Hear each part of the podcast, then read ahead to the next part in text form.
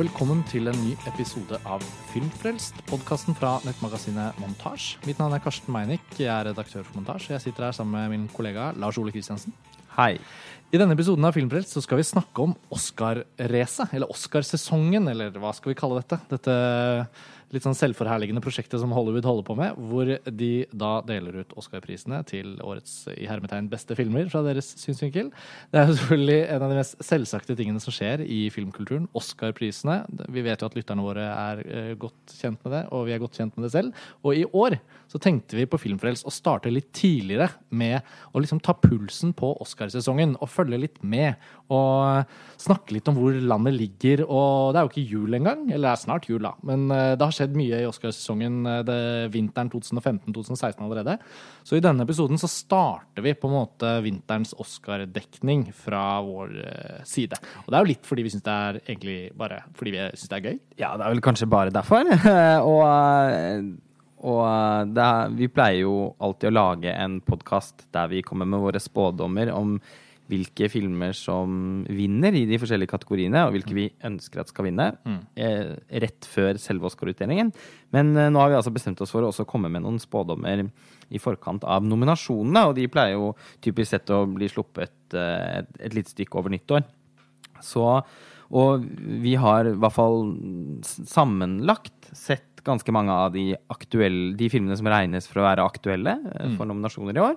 Og, og, så er det rett og slett et litt morsomt år, fordi det er eh, mange ganske sånn sterke kandidater, eh, og filmer som det er, ikke, det er veldig få kategorier hvor det er åpenbare favoritter. I hvert fall på dette tidspunktet. Det er jo fortsatt veldig mye som kan skje da, i løpet av de ukene som kommer. Ja, det er jo tidlig på en måte i Oscar-racet, men det er veldig, jeg føler uh, Da vi snakket om dette og ble enige om at det hadde ikke vært gøy å starte den buzzpraten litt tidligere, så er det jo også som et resultat at vi vet og vi har sett at uh, folk syns det er gøy med Oscar, og vi syns det er gøy. Vi tar det ikke så voldsomt på alvor, og Nei. vi syns jo nesten alltid det er skuffende. Så grunnen til at man bryr seg om dette hver vinter Nesten alltid skuffet ja, over showet ja, og så, prisene. Så. så. det er på en måte egentlig en eller annen selv, et gigantisk paradoks at vi gidder, men samtidig Men det er en måte å liksom få sortert uh, tanker om filmåret på. Nå lager vi jo også alltid en podkast om uh, våre personlige favoritter i løpet av året, og den vil dere jo få høre om eh, et par ukers tid. Men her blir det jo da anledning til å, til å snakke om noen av de store, hovedsakelig noen av de store amerikanske filmene ja. som, som, anses for å, for å være mm, sterke kandidater, i, i hvert fall til å få en nominasjon. Og vi nå Det er jo litt sånn at vi kommer til å eh, altså snakke om eh, potensielle nominerte i ganske mange kategorier nå. Men vi gjør det vel ikke så grundig nå som vi kanskje gjør det på den senere podkasten? Nei, for det er litt, det er litt sånn tidlig, tidlig, ute. Og det som er interessant også å si før vi begynner gjennomgangen vår, det vi skal gjøre, er å på en måte rett og slett snakke om hvilke filmer og skuespillere og andre filmfolk som er favoritter, eller som leder an, og litt hva vi syns selv om de forskjellige kategoriene. Men det er også verdt å påpeke da, at Oscarsesongen har dette paradoks nummer to, som er det at mange av de store Oscar-filmene som det allerede snakkes og skrives mye om, kommer jo ikke på norske kinoer før slutten av januar, februar. Noen er utsatt helt til mars. Ja. Og det er jo eh, veldig mange som eh, også nevner dette i kommentarfelt hos oss, eller spør seg hvorfor er det sånn at det snakkes så mye om Oscar-filmene nå, i november, desember, januar, og så skal de ikke slippes på kino før flere måneder etterpå i Norge. Og det er jo et stort paradoks. Uh, og det skjønner det det.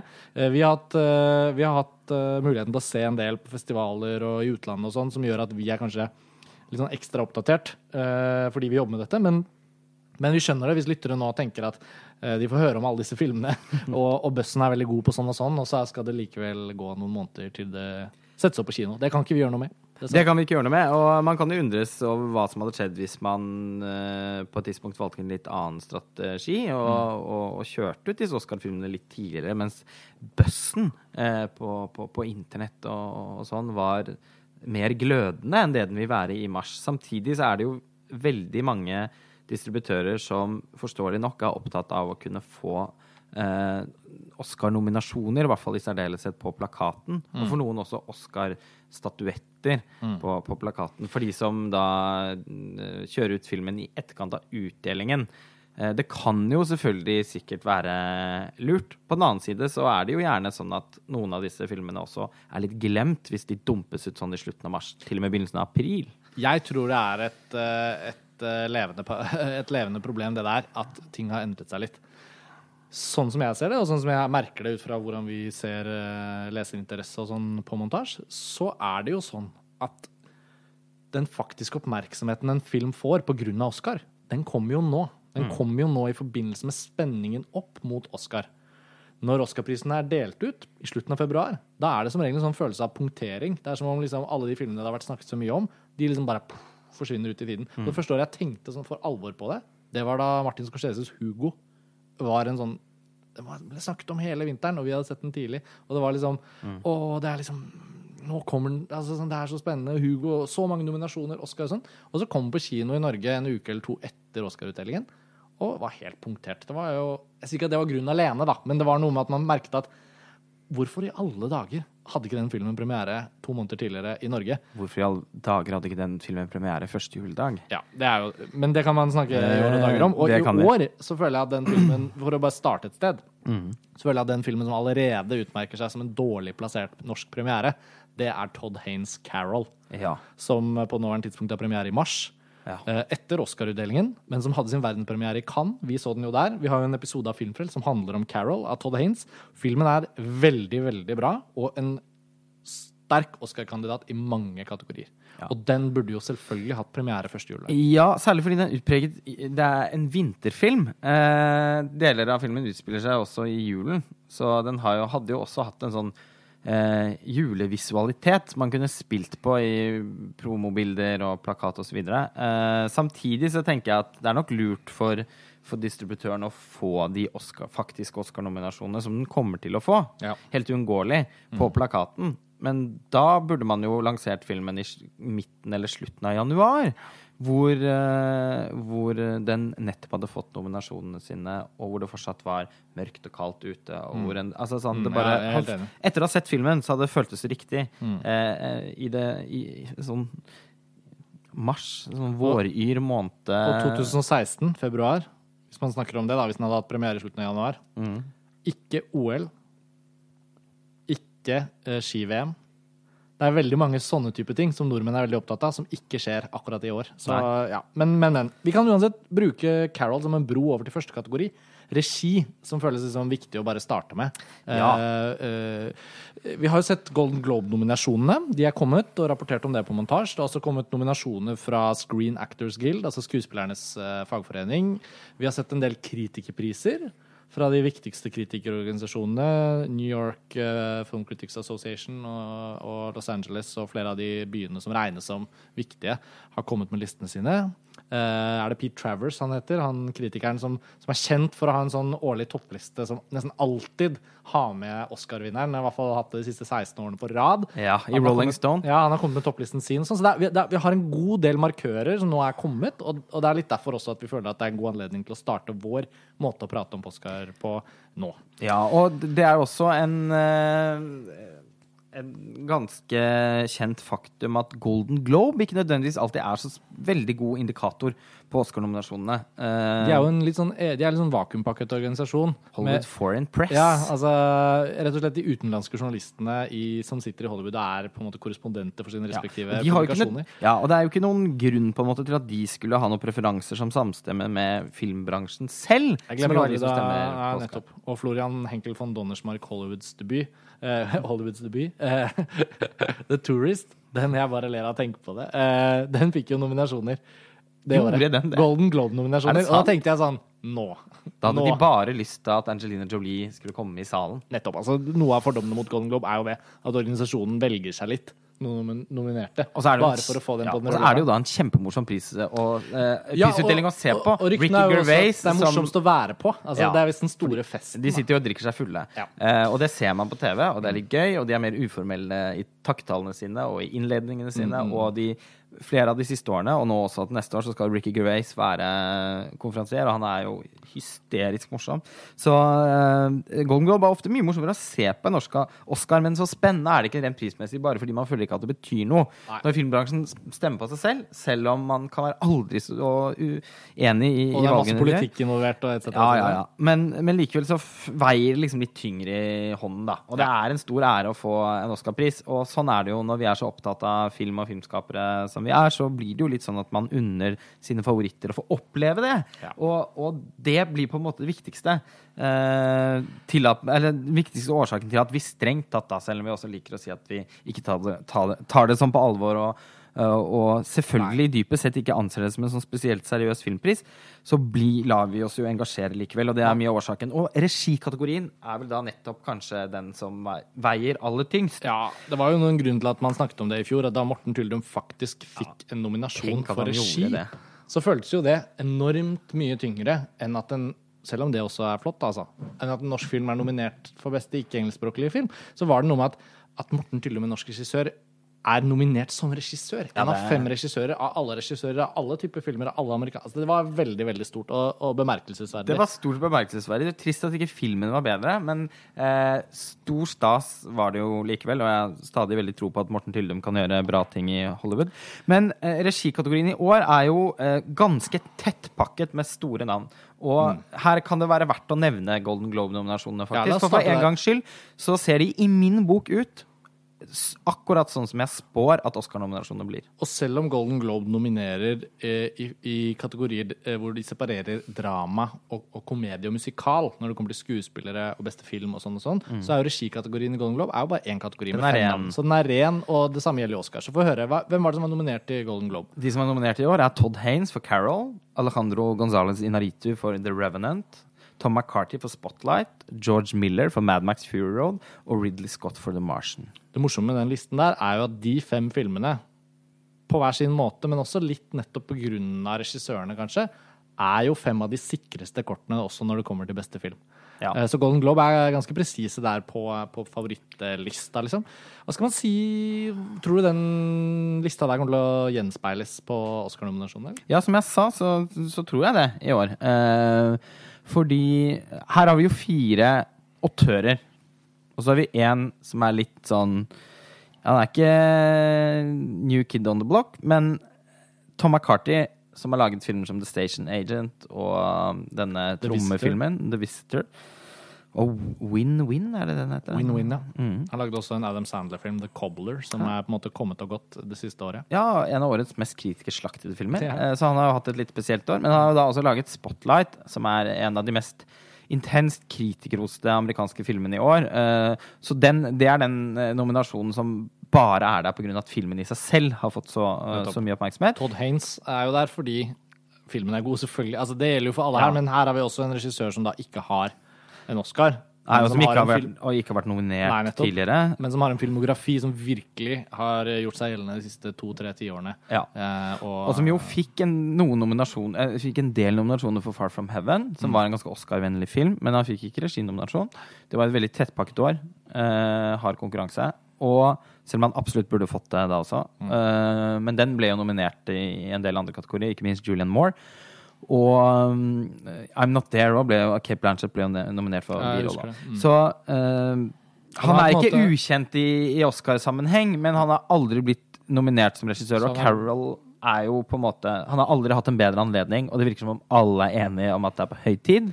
Altså, Todd Haynes blir Oscar-nominert for beste regi. Det tror jeg nesten vi kan si. Det kan vi si. Eh, Og neste på listen, altså Inyaritu, han vant jo Oscar for beste regi i fjor. Ja. Med Birdman. Ja. Så, så her er det jo en blanding av at han eh, antageligvis blir nominert for The Revenant uh, også, på grunn av filmen, selvfølgelig. Men det er noe med også at når du, når du er litt sånn på en streak, når du har liksom plutselig kommet deg opp i tempo Ta David O. Russell, da, som har vært nominert mye de siste Ja. årene. Og, og filmene hans er liksom alltid Oscar-kandidater, eh, i hvert fall hvis man skal ta de fire-fem siste årene. ja, ja, nesten på automatikk. Så der tenker jeg også at Inyarito er ganske sikkert kort i forhold til nominasjon. Jeg er ganske sikker på at han ikke vinner en Oscar i år. Det er jeg også helt sikker på. Eh, men uh, til det er filmen altfor polariserende. Vi kan jo snakke litt om filmen når vi har kommet oss gjennom listen også. Men uh, den, vi har sett den på en tidlig førevisning. Men uh, det, det vil aldri skje. Samtidig så er filmen Den har såpass muskuløst uttrykk. Eh, Og og den skiller seg faktisk ganske mye ut. den gjør det. Og, og han er jo på liksom en bølge i Naritu. Så jeg tror det skal Ja. veldig mye til for at han ikke får en nominasjon for den. Og filmen har strengt altså sånn jevnt over og fått mm, veldig god kritikermottakelse Mm, i USA. Selv om det er enkelte som er veldig kritiske til den. George alle- Miller for Mad Max Fury Road. Ja, for det så skulle jeg til å si ok, der har vi tre regissører. Tom McCarthy, Inyaritu, Todd Haynes. Tre dramaer. Selv om de er litt i for, ganske forskjellige sjangere, så er jo det tross alt tre dramaer. De to andre eh, navnene på Golden Globe-listen, og som også er hyperaktuelle Oscar-kandidater i denne kategorien, er jo George Miller og Ridley Scott for hver sin eh, blockbuster, basically. Ja. Og det morsomme er jo at eh, frontrunneren, som det heter, i denne kategorien As we speak, for å bruke enda mer engelsk. Eh, det er jo George Miller for Mad Max Fury Road. For det er jo da en film som, som fikk overstrømmende kritikker når den kom i våres, og som har vært et, vokst seg veldig populær i løpet av året. Den gikk ikke så bra på kino. Fordi den var så dyr. Ja, men, eh, men det er liksom en konsensus rundt at det er årets beste sjangerfilm overhodet. Og eh, kritikertopplistene som nå har begynt å bli kjørt ut mot slutten av året, og, og ikke minst disse kritikerorganisasjonene som deler ut priser. eh, Altså det, er, det er helt ustoppelig eh, hvor mye anerkjennelse Mad Max Fury Road får. Det begynte jo egentlig da filmen kom. Den var åpningsfilm på filmfestivalen i Cannes. Filmen hadde simultanpremiere på kinoer over hele verden samtidig. Um, jeg husker det veldig godt, uh, selvfølgelig, det er jo ikke så lenge siden, men sånn, den fikk veldig god kritikk. Og noe av det første som ble sagt, var sånn Ja, det er vel Gullpalmen, det, da. Men åpningsfilmen er jo ofte utenfor konkurranse, og det gjaldt jo også Mad Max Fury Road. Men det var liksom noe av humoren på starten av Cannes-festivalen var liksom sånn Ja, beste filmen i Cannes i år, det var Mad Max Fury Road. på en måte. Det tror jeg veldig mange synes. Filmen som bare brukte Cannes som en lanseringsplattform. Ja. men eh, det har jo vist seg, ikke bare viste seg i filmen, selvfølgelig, og nå som begge vi har jo hatt gjensyn med den, og den begynner jo å sette seg voldsomt godt i kroppen. Og, og kritikerne har altså omfavnet den filmen på en måte som Jo, den fikk god kritikk da den kom, men det at den da i slutten Ja, av et veldig, filmår veldig, veldig god kritikk. ja, da. men på slutten av et filmår at den liksom står så voldsomt Ja, den er ikke blitt glemt, da. Nei. For å si så, det så det setter den jo rett i Oscarsøkelyset, nettopp fordi at også det er en kjent sak at mange av Akademiets medlemmer er såpass late eh, i sine diverse Beverly Hills-palasser der de sitter tilbakelent og får tilsendt screenere av filmene og sånn.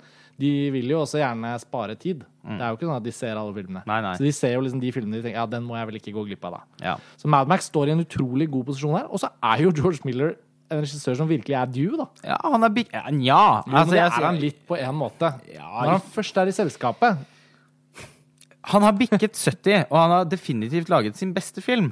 Han har vunnet en Oscar for så vidt òg, da. eh, For animasjonsfilm, hvis ikke jeg husker feil. Happy Feet? Jeg tror han vant en Oscar Ja. Happy Feet, så det er ikke Ja, men, det at han ikke har fått, men, men det er vel konsensus om at dette er det suverent beste han har laget. ja, det er i hvert fall den beste Mad Max-filmen. det er vel også er hans første Oscar-nominasjon, tror jeg, i denne kategorien. Ja. Eh, Men fordi han er bikket 70, og fordi han er noe av en legende, så, så tror jeg også han på mange måter En del føler at han på en måte er litt due.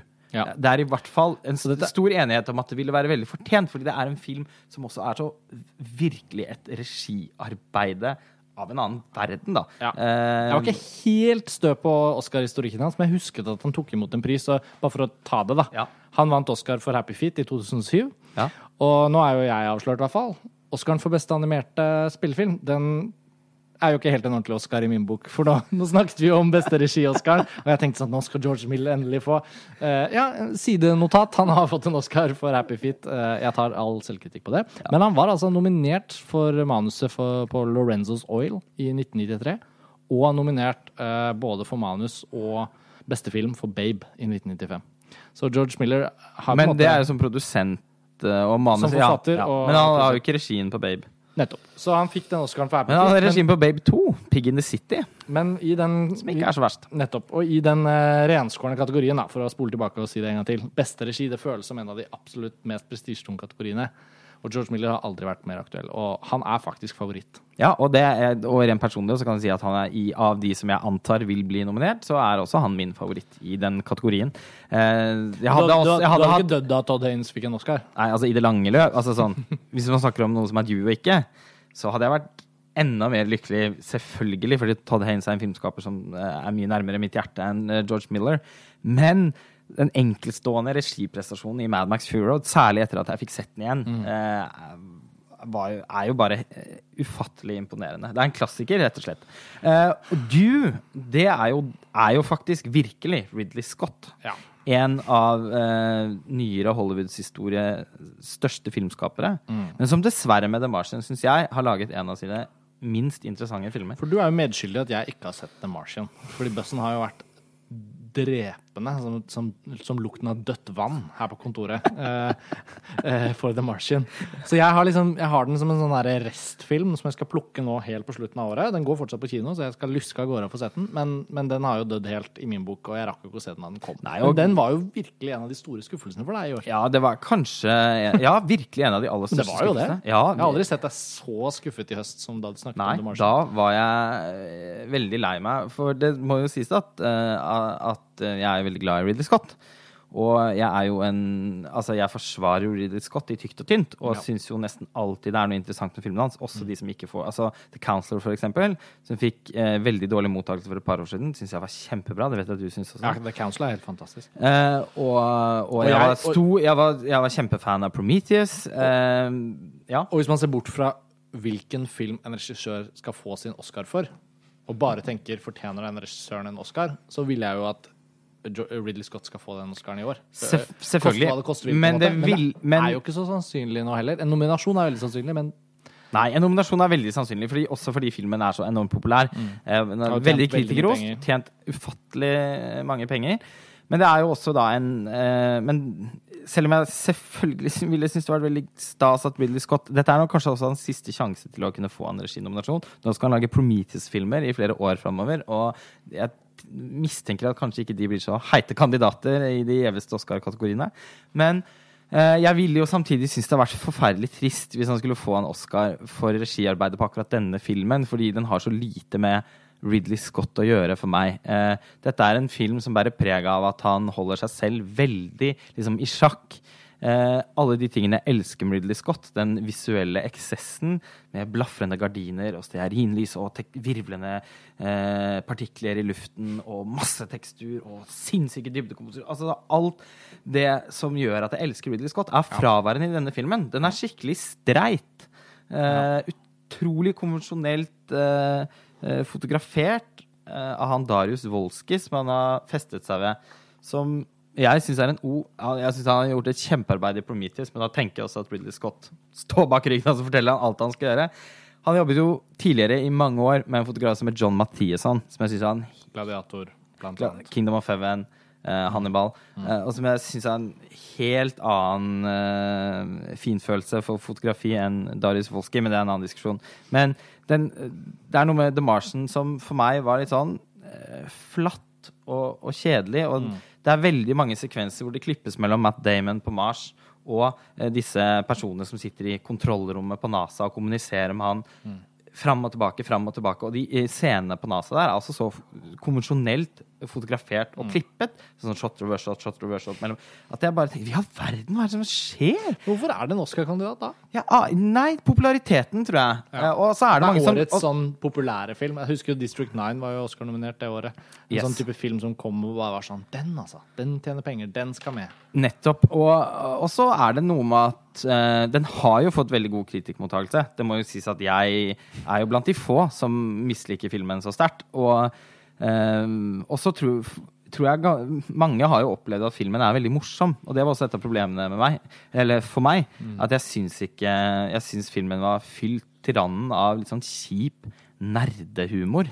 Uh, som, som jeg nesten aldri syns er morsom. Og det var bruk av sånn 70-tallsmusikk, sånn ABBA sånn, som også for, for meg bare gjorde at den følelsen av en sånn magisk stemning i verdensrommet imploderte, da. Det ble, den hadde sånn 20% Guardians of the Galaxy over seg. Også det en film veldig mange likte, men som jeg ikke kunne utfordra. Jeg likte jo den veldig godt, egentlig. Ja, så kanskje er det et håp. Kanskje, ja. Jeg spår nok at uh, du sikkert vil få en mer positiv opplevelse enn meg, jo- i det ja, minste. Nå har jeg jo veldig lave forventninger. Ja. Men, men jeg altså, så Skuffelsen i seg selv og veide jo så tungt. Ja.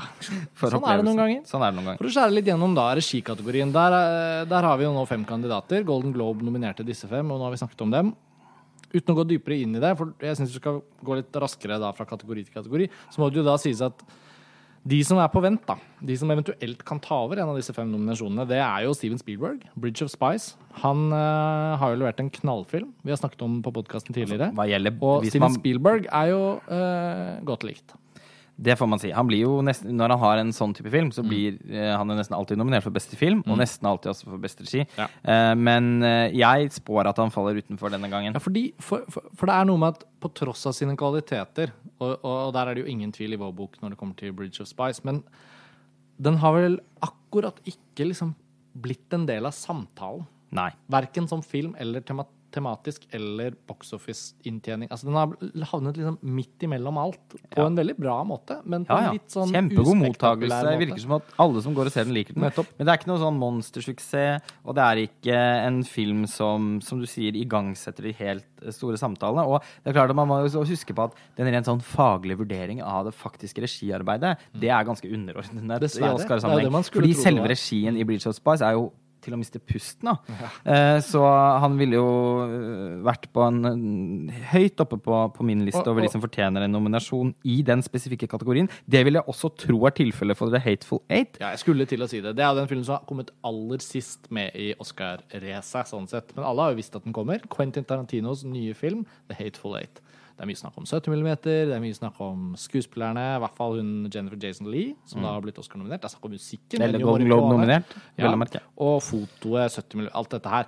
Men og manus, som Tarantino ofte er. liksom, Det er det som er hans kategori. da. Det er der de liksom har plassert han litt òg. Det er der du får dine Oscar-priser. Han har jo vunnet to Oscar. Mm. Han vant jo Man og for Django, Django, Django. og han var jo ikke Men- nominert til regi for Django. Nei. Og det er jo litt sånn at Hateful Eight har jo ikke helt har ikke helt egentlig Den har jo ikke engang hatt premiere i USA. Den har hatt noen visninger. Den har premiere første juledag som 70 mm eh, roadshow. Mhm. Og så har den da stor, sånn bred lansering i Amerika slutten helt 31. desember, tror jeg, eller 1. januar. Uh, og deretter så går det jo noen uker til Oscar-nominasjonene. Spørsmålet er jo nå om Hateful Eight kan bruse med fjærene og bli en film, bli en snakke sent i gamet, og snike seg med på Oscar-nominasjonene, selv om den ikke er blitt så godt representert nå for Tarantinos del, da, i, på Golden Globe og sånn. Og det er jo vanskelig for oss å si òg. Vi, vi får ikke sett filmen før uh, første uken av januar.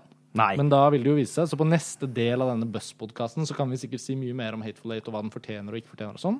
Men den, vi har jo kunnet hørt musikken, eksempel, så når vi kommer til den kategorien etterpå, så tenker jeg vi må snakke litt om det. det, det må vi. Men uansett så kan man jo også si at uh, The Hateful Eight uh, Vi har kjempeforventninger til den filmen, og det er jo mange som virkelig har løftet den fram som noe av det aller beste Tarantino har gjort, og som syns det er et, eh, et mesterverk. Men det skal også sies at den er litt polariserende. Det er altså noen som virkelig ikke kan fordra den filmen. Og den virker nok å være kompromissløs på en litt annen måte enn Django og Inglorious Bastards, som har vært veldig sånn populære. All, altså, Hvor det er mer bevegelse som Ja. fortelling. Dette her er jo en sånn satt til ett sted. Det, noe, det virker som det er noe mer eh, eksperimentelt over, over denne filmen, som nok som gjør at jeg spår at det skal nok mye til for at han vil få en, en reginominasjon denne gangen, helt uavhengig av hvor, filmen, hvor god filmen er. En annen film som dukker nå som vi har snakket om Mad Max Fury Road og The Martian, som sånn blockbusterne i sammenhengen, Mm. Ja. så er det jo en blockbuster som hadde kinopremiere for to dager siden, Ja. som da også har fått helt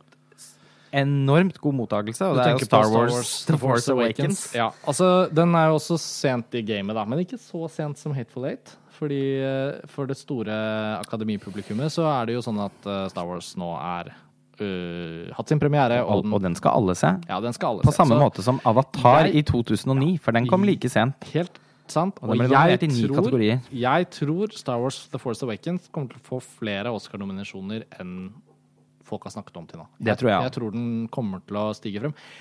I regikategorien litt usikker. Nei, ja, jeg- Eh, det tror jeg Det, det, det tror jeg ikke. Men uh, i de tekniske kategoriene så er det ingen tvil.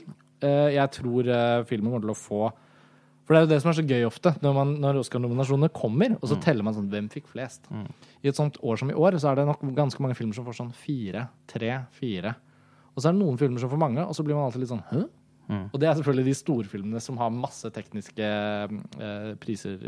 Og Star Wars og Mad Max Fury Road og sånt, de kommer til å gjøre det skarpt i antall nominasjoner. Da. Det er jeg nesten helt sikker på. Det tro. Og Selv om skuespillnominasjoner sannsynligvis er utelukket. Jeg tenker jo- at Hvis Harrison Ford hadde vært nominert i beste birolle ja, det for Han solo Solo hadde vært fint. altså, Ingen hadde protestert. Nei, det tror jeg ikke. hadde protestert. Men samtidig, så Nei da, jeg ser, Altså, jeg ser ikke at det skjer, men jeg liker litt å kaste det ut der. da. Ja, ja, jeg, ikke, jeg har liksom? tenkt tanken selv. Bare For en måte å, å, å liksom gi han den. Ja, men, jeg- men jeg tror nok eh, Skal vi komme inn på beste film eh, til slutt, men eh, jeg tror nok den eh, vil, vil bli nominert til beste film. Uh, og da er det, det er da er det er ganske sannsynlig. Litt uventet. Eller sånn, det er Ja. Jo, Hvorfor men ikke? jeg spår at den kommer til å nappe plassen til en annen film, fordi den blir, nettopp også kanskje fordi den er så fersk, Mm. og fordi bussen er så enormt positiv, og Mm. alle som skal stemme, kommer til å faktisk se filmen. Eh, men det kan vi komme tilbake til. Nå får vi bevege oss eh, Ja, vi skal videre. bevege oss videre. Hadde det vært så vel at noen akademi akademimedlemmer kunne høre vår podkast, så ville jeg lagt det fram. Altså. Harrison Ford, 30 år etter hans eneste Oscar-nominasjon for Witness. Mm. Det hadde vært veldig elegant om de hadde klart å snike han inn. For Sylvester Stallone med denne boksefilmen Creed, hvor han spiller Rocky for hva er det? 247. gang, eh, har nå sneket seg med i race i den kategorien. Men hva, hva tenker du er det neste vi skal snakke om da? Eh, jeg fikk litt lyst til å snakke om foto. Da Ja. du kom inn på Darius Wolski i stad. Ja.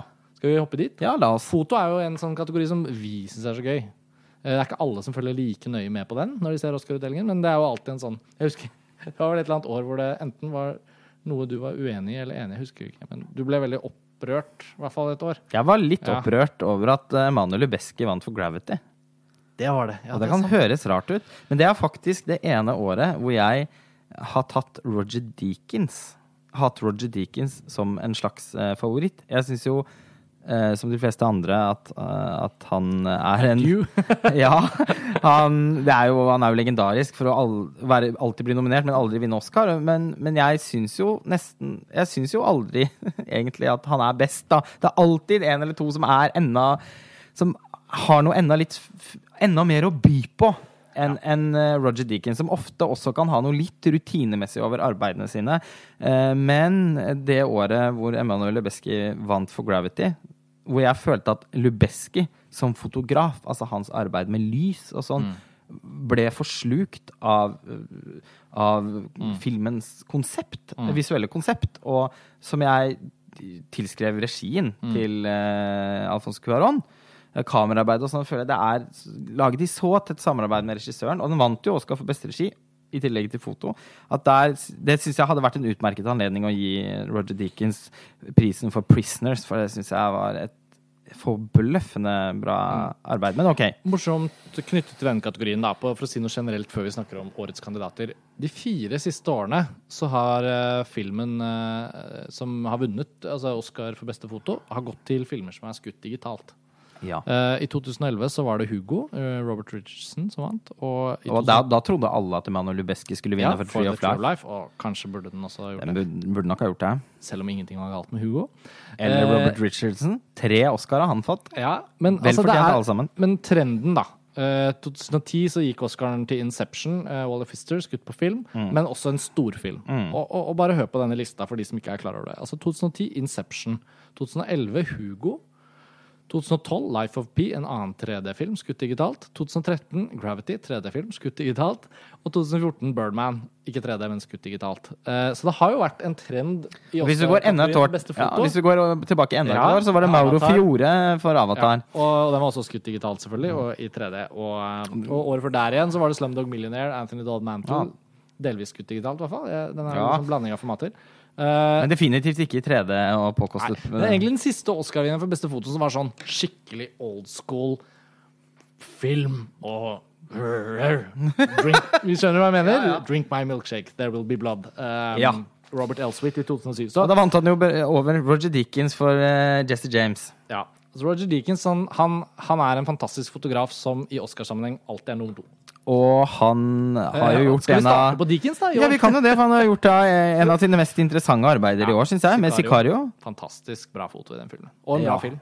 Veldig bra Ikke film. en typisk Oscar-film, men i fotokategorien har den en god mulighet. Ja, og den regnes jo s- av veldig mange blant de fem favorittene, da. Eh, og jeg tror, si- jeg tror Sicario blir nominert fordi Deakins s- så å si alltid blir nominert, og fordi at det er så slående.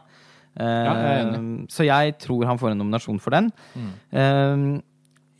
jeg tror jo da også Lubeski eh, får en nominasjon for The Revenant. Og han har jo vunnet to år på rad for Gravity og Birdman, Ja. og The Revenant er jo på ingen måte noe mindre imponerende. Tvert imot. Den er vel egentlig mer imponerende enn begge de to forrige filmene han har gjort.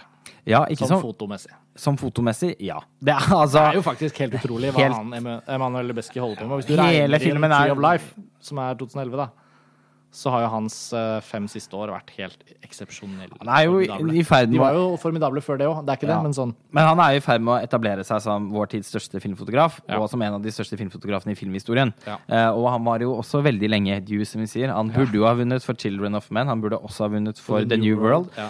Eh, så, så det er Sånn sett, så Og Birdman syns jeg var et, var et veldig imponerende Altså ja, det var ikke noe galt med den. Nei, er der syns jeg også lyssettingen altså, som kom veldig til Ja. Det, det, det synes jeg var en veldig fortjent pris. Eh, og eh, jeg vil aldri slutte å heie på Lubeskis, selv om jeg var uenig akkurat i, mm, hva gjelder Gravity. Ja. Men, eh, og, og det hadde ikke gjort meg noen ting hvis han fikk en tredje Oscar på rad. Det ville bli historisk. eh, For, eh, for The Revenant. Jeg har problemer med, flere pro problemer med filmen, men eh, filmens visualitet er den kan man snakke om i dagevis. Og hele filmen er skutt med naturlig lys.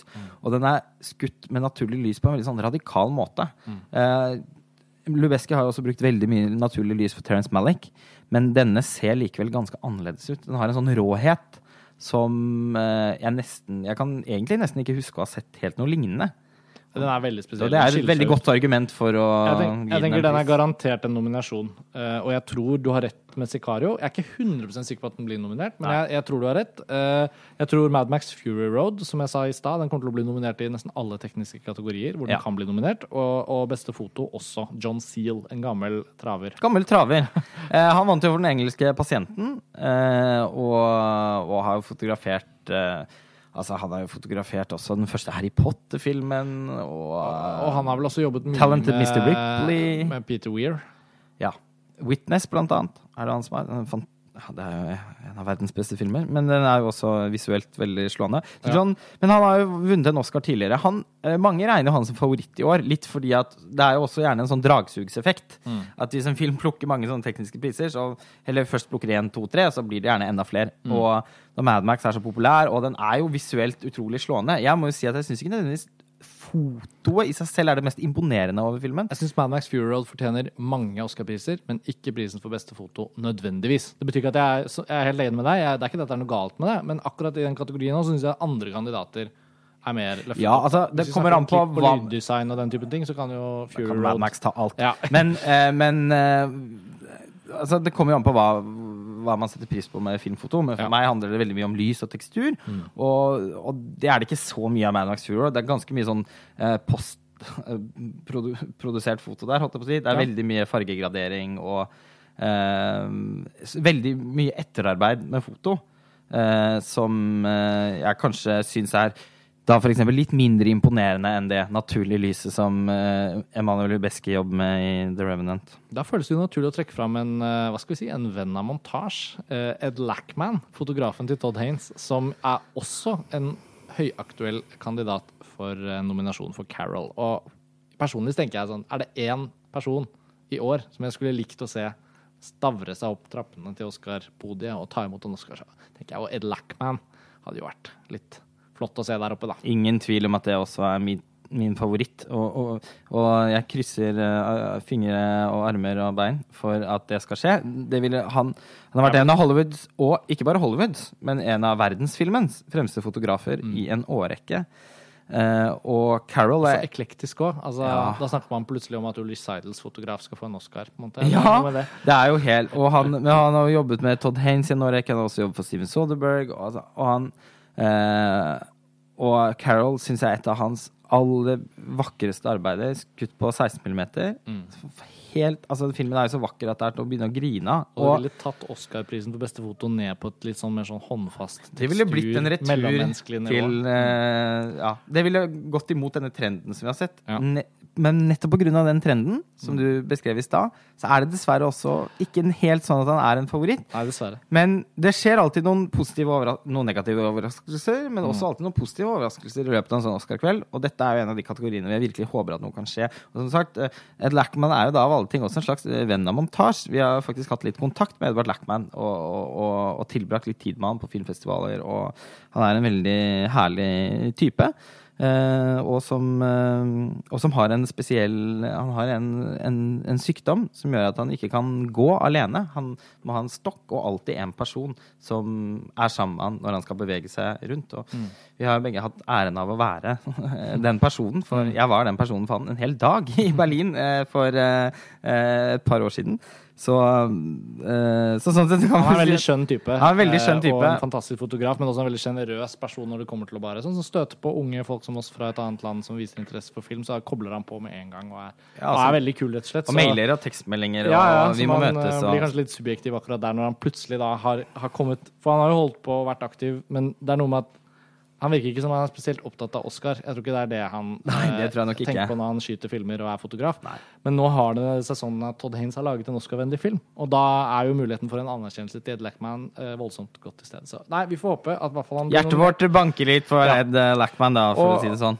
Og avslutningsvis på fotokategorien, for å bevege oss videre, så skal det jo sies at Kaminski, Bridge of Spice der er det Altså. Kam rom, altså Egentlig syns jeg det er en skandale hvis ikke Kaminski får en nummer som for Bridge of Spice. For meg er en av de helt soleklart best Og Robert Richardson, selv om han har vunnet masse Oscar allerede. Hateful Eight, det, det ser ikke dårlig ut. Garantert. Altså, ja, det, det fotoet hans der får så mye skryt Ja. at han kan også plutselig vinne. Selvfølgelig, for han er jo en sånn lurifaks. Han er en lurifaks! Ja. Da blir det hans fjerde. Ja. Altså, det er, kan ikke det er mulig at det er noen fotografer på 40-tallet og sånn. 30- og 40-tallet og den Oscar-historien der er, jeg litt, der er jeg litt for rusten. Men i nyere tid er det jo ingen fotograf som har vunnet fire Oscar. Eh, så um, det er godt mulig at han kan bli litt historisk hvis han Det er, skulle eh, ja. Ja, jeg har tilfeldigvis listen her. Um, Det er to fotografer som har vunnet Oscar fire ganger. Leon Shamroy og Joseph Rutenberg. Så jeg tipper det er i gamle dager. Eh, Ja. eh, Da det var sånn egen Oscar for svart-hvitt og Ja. fargefoto. Og sånn. Men i alle fall så kan han jo da bli blant dem som har vunnet flest. Hvis han, og det anser jeg ikke som usannsynlig i det hele tatt. Vi har jo ikke sett filmen, men alt tyder på at fotoarbeidet er helt fantastisk. Og Robert Richardson tror jeg er usedvanlig respektert blant fotografer, og i filmbransjen også, fordi at han er så teknisk eh, eksepsjonelt dyktig. Og han har gjort så mye forskjellig. Han har jobbet fast for Tarantino i en årrekke, men har også jobbet veldig mye med Scorsese og Oliver Stone. Og han vant jo både for Aviator og JFK, eh, Ja. for de to. Og, um, og for Hugo, eh, som du nevnte i stad. Men eh, han, er, han blir jo også garantert eh, nominert i den eh, kategorien. Så vi lander vel kanskje på Mad Max, The Revenant, Carol, Sicario og The Hateful Eight. Også med Bridge of Spice som en sånn Wildcard. wildcard. Mm. Ville vært sånn utrolig fortjent, men Mm. Kaminski har jo også, har jo fått så mange nominasjoner, og han har vunnet to. Og det kan vel hende at noen syns det er morsommere å, å stemme på noen andre enn han, Ja. når Bridge of Spice, på tross av dens eh, altså på tross av at filmen er så god som den er, likevel kanskje ikke er en av de som har etterlatt sterkest avtrykk i filmåret 2015. Enig. Vi går videre. Skal vi ta skuespillere nå, eller? Det er jo alltid litt gøy. Det er litt gøy. Eh, vi skal kanskje bevege oss litt raskere også, ellers så blir vi jo sittende her eh, og jeg vet ikke om lytterne kommer til å komme seg gjennom hele episoden engang. Men, eh, men vi har jo skuespillerkategorien i Oscar-racet, selvfølgelig. Beste mannlige hovedrolle og birolle. Beste kvinnelige hovedrolle og birolle. Vi skal starte med jentene, da. La oss. Beste kvinnelige hovedrolle. Der eh, er det jo eh, et ganske sånn interessant race. Jeg vil bare hoppe rett til Carol med en gang. For den filmen har jo faktisk to kvinnelige hovedroller. Og der, så vidt jeg ikke, Hvis jeg ikke husker feil, så har Weinstein-brødrene i sin eh, Oscar-strategiske hva skal man si, ånd, valgt å plassere dem i forskjellige kategorier. For De det, har kan, det. kan man jo velge, selv om det ikke stemmer med filmen. Og da Rooney Mara, som for meg på en måte kanskje er Hun er jo hovedrollen. Ja, Men ikke hun- bare er hun hovedrollen, men hun er vel også Det er kanskje fordi Kate Blanchett bare gjør så sykt mye bra at man blir litt vant med hvor bra hun er. Ja. Skjønner du? ja. At Rooney Mara føles som liksom MVP i den filmen her, da. Most valuable player. Det er noe med at hun bare Det er henne, liksom. Ja da. Jeg syns hun hun er plassert- filmens hjerte, men Ja. hun er plassert i birollekategorien, da. Men kanskje også øh, strategisk lettere å få en Oscar i den kategorien. Eh, Hun vil definitivt stille sterkere i den kategorien. Kate det, Blanchett. det betyr at det er Kate Blanchett som i hvert fall er i kategorien på jeg vegne av Carol. ja, jeg tror nok hun er selvskreven som en Som, eh, nominert. som, som nominert. Hun har vunnet to Oscar allerede. Ja. The, Ja. For The Aviator Ja. og, og for um, Blue Jasmine. For de som hørte på den eh, podkasten som vi hadde for eh, to år siden, som ikke du var med på eh, Ja. før Oscar, den samme hvor jeg gikk i strupen på Lubeski, eh, så, så satt jeg også og eh, snakket euforisk om om hvor innlysende jeg syns det var at hun skulle vinne for Blue Jasmine. Og hun vant jo. Jeg elsker Kate Blanchett, og eh, selv om hun Nei, og selv om hun på en måte spiller litt med gamle noter i, i Carol Hun gjør ikke noe nytt i Nei. den filmen, men det Hun er altså bruker fra sitt eksisterende vokabular. er, ja, men det er så elskelig at uh, jeg føler Jeg syns det er veldig fortjent hvis hun blir uh, Hun nominert. blir nominert. Ellers så syns jeg at det som er litt flott med beste kvinnelige hovedrolle i år, er jo at det er veldig mange unge, talentfulle skuespillerinner som gjør sitt beste arbeid, og som ser ut til å bli nominert for det.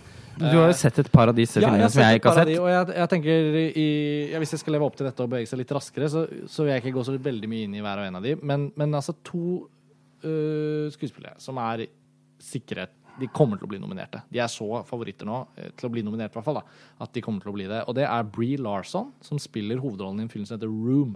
Det har vært mye buzz på den allerede, men det har ikke vært så mye snakk om den i Norge. Og det er jo ingen kjente skuespillere. Bree Larson er jo ikke spesielt kjent i Norge. Og hun eh, eh, leder an eh, som en ung mor som blir kidnappet. Altså bare en sånn klassisk sånn fritzelsak. Blir kidnappet sammen med Nei, hun blir kidnappet selvfølgelig alene når hun er ung, og så får hun et barn i fangenskap med denne forferdelige overgriperen, som holder henne fanget i et lite skur i hagen. Og i løpet av den tiden mens hun er kidnappet, så må hun også selvfølgelig oppdra sin lille sønn, som da ikke har sett verden utenfor. Og filmen handler om eh, hvordan de to takler det Hvordan de har liksom skapt seg en hverdag hvor de takler dette, men også hva som skjer når de klarer å rømme. Og eh, den gjør voldsomt inntrykk. Eh, Han som spiller den lille gutten, er sannsynligvis en kandidat til beste mannlige birolle. Faktisk, Han er kanskje syv-åtte år gammel. Men Brie Larsen gjør veldig inntrykk, og jeg tror hun kommer til å bli nominert. Og mange mener jo at hun også er favoritt. Litt Ja. fordi at det er, Det er sånn, mange det er en sånn film hvor kanskje ikke så mye annet blir nominert, men hvor den kvinnelige hovedrollen, eller hovedrollen hvis det hadde vært en mann, da, gjør så voldsomt inntrykk at det er umulig å komme utenom den. Kanskje litt sånn som Boys Don't Cry i sin tid. Eh, og den andre kandidaten av disse som jeg har sett, og som er veldig sånn enigmatiske unge rolleprestasjoner, så har vi Saoirse Ronan, som gjorde inntrykk da hun var barn. Da hun spilte i filmer som Atonement og The Lovely Bones, blant annet.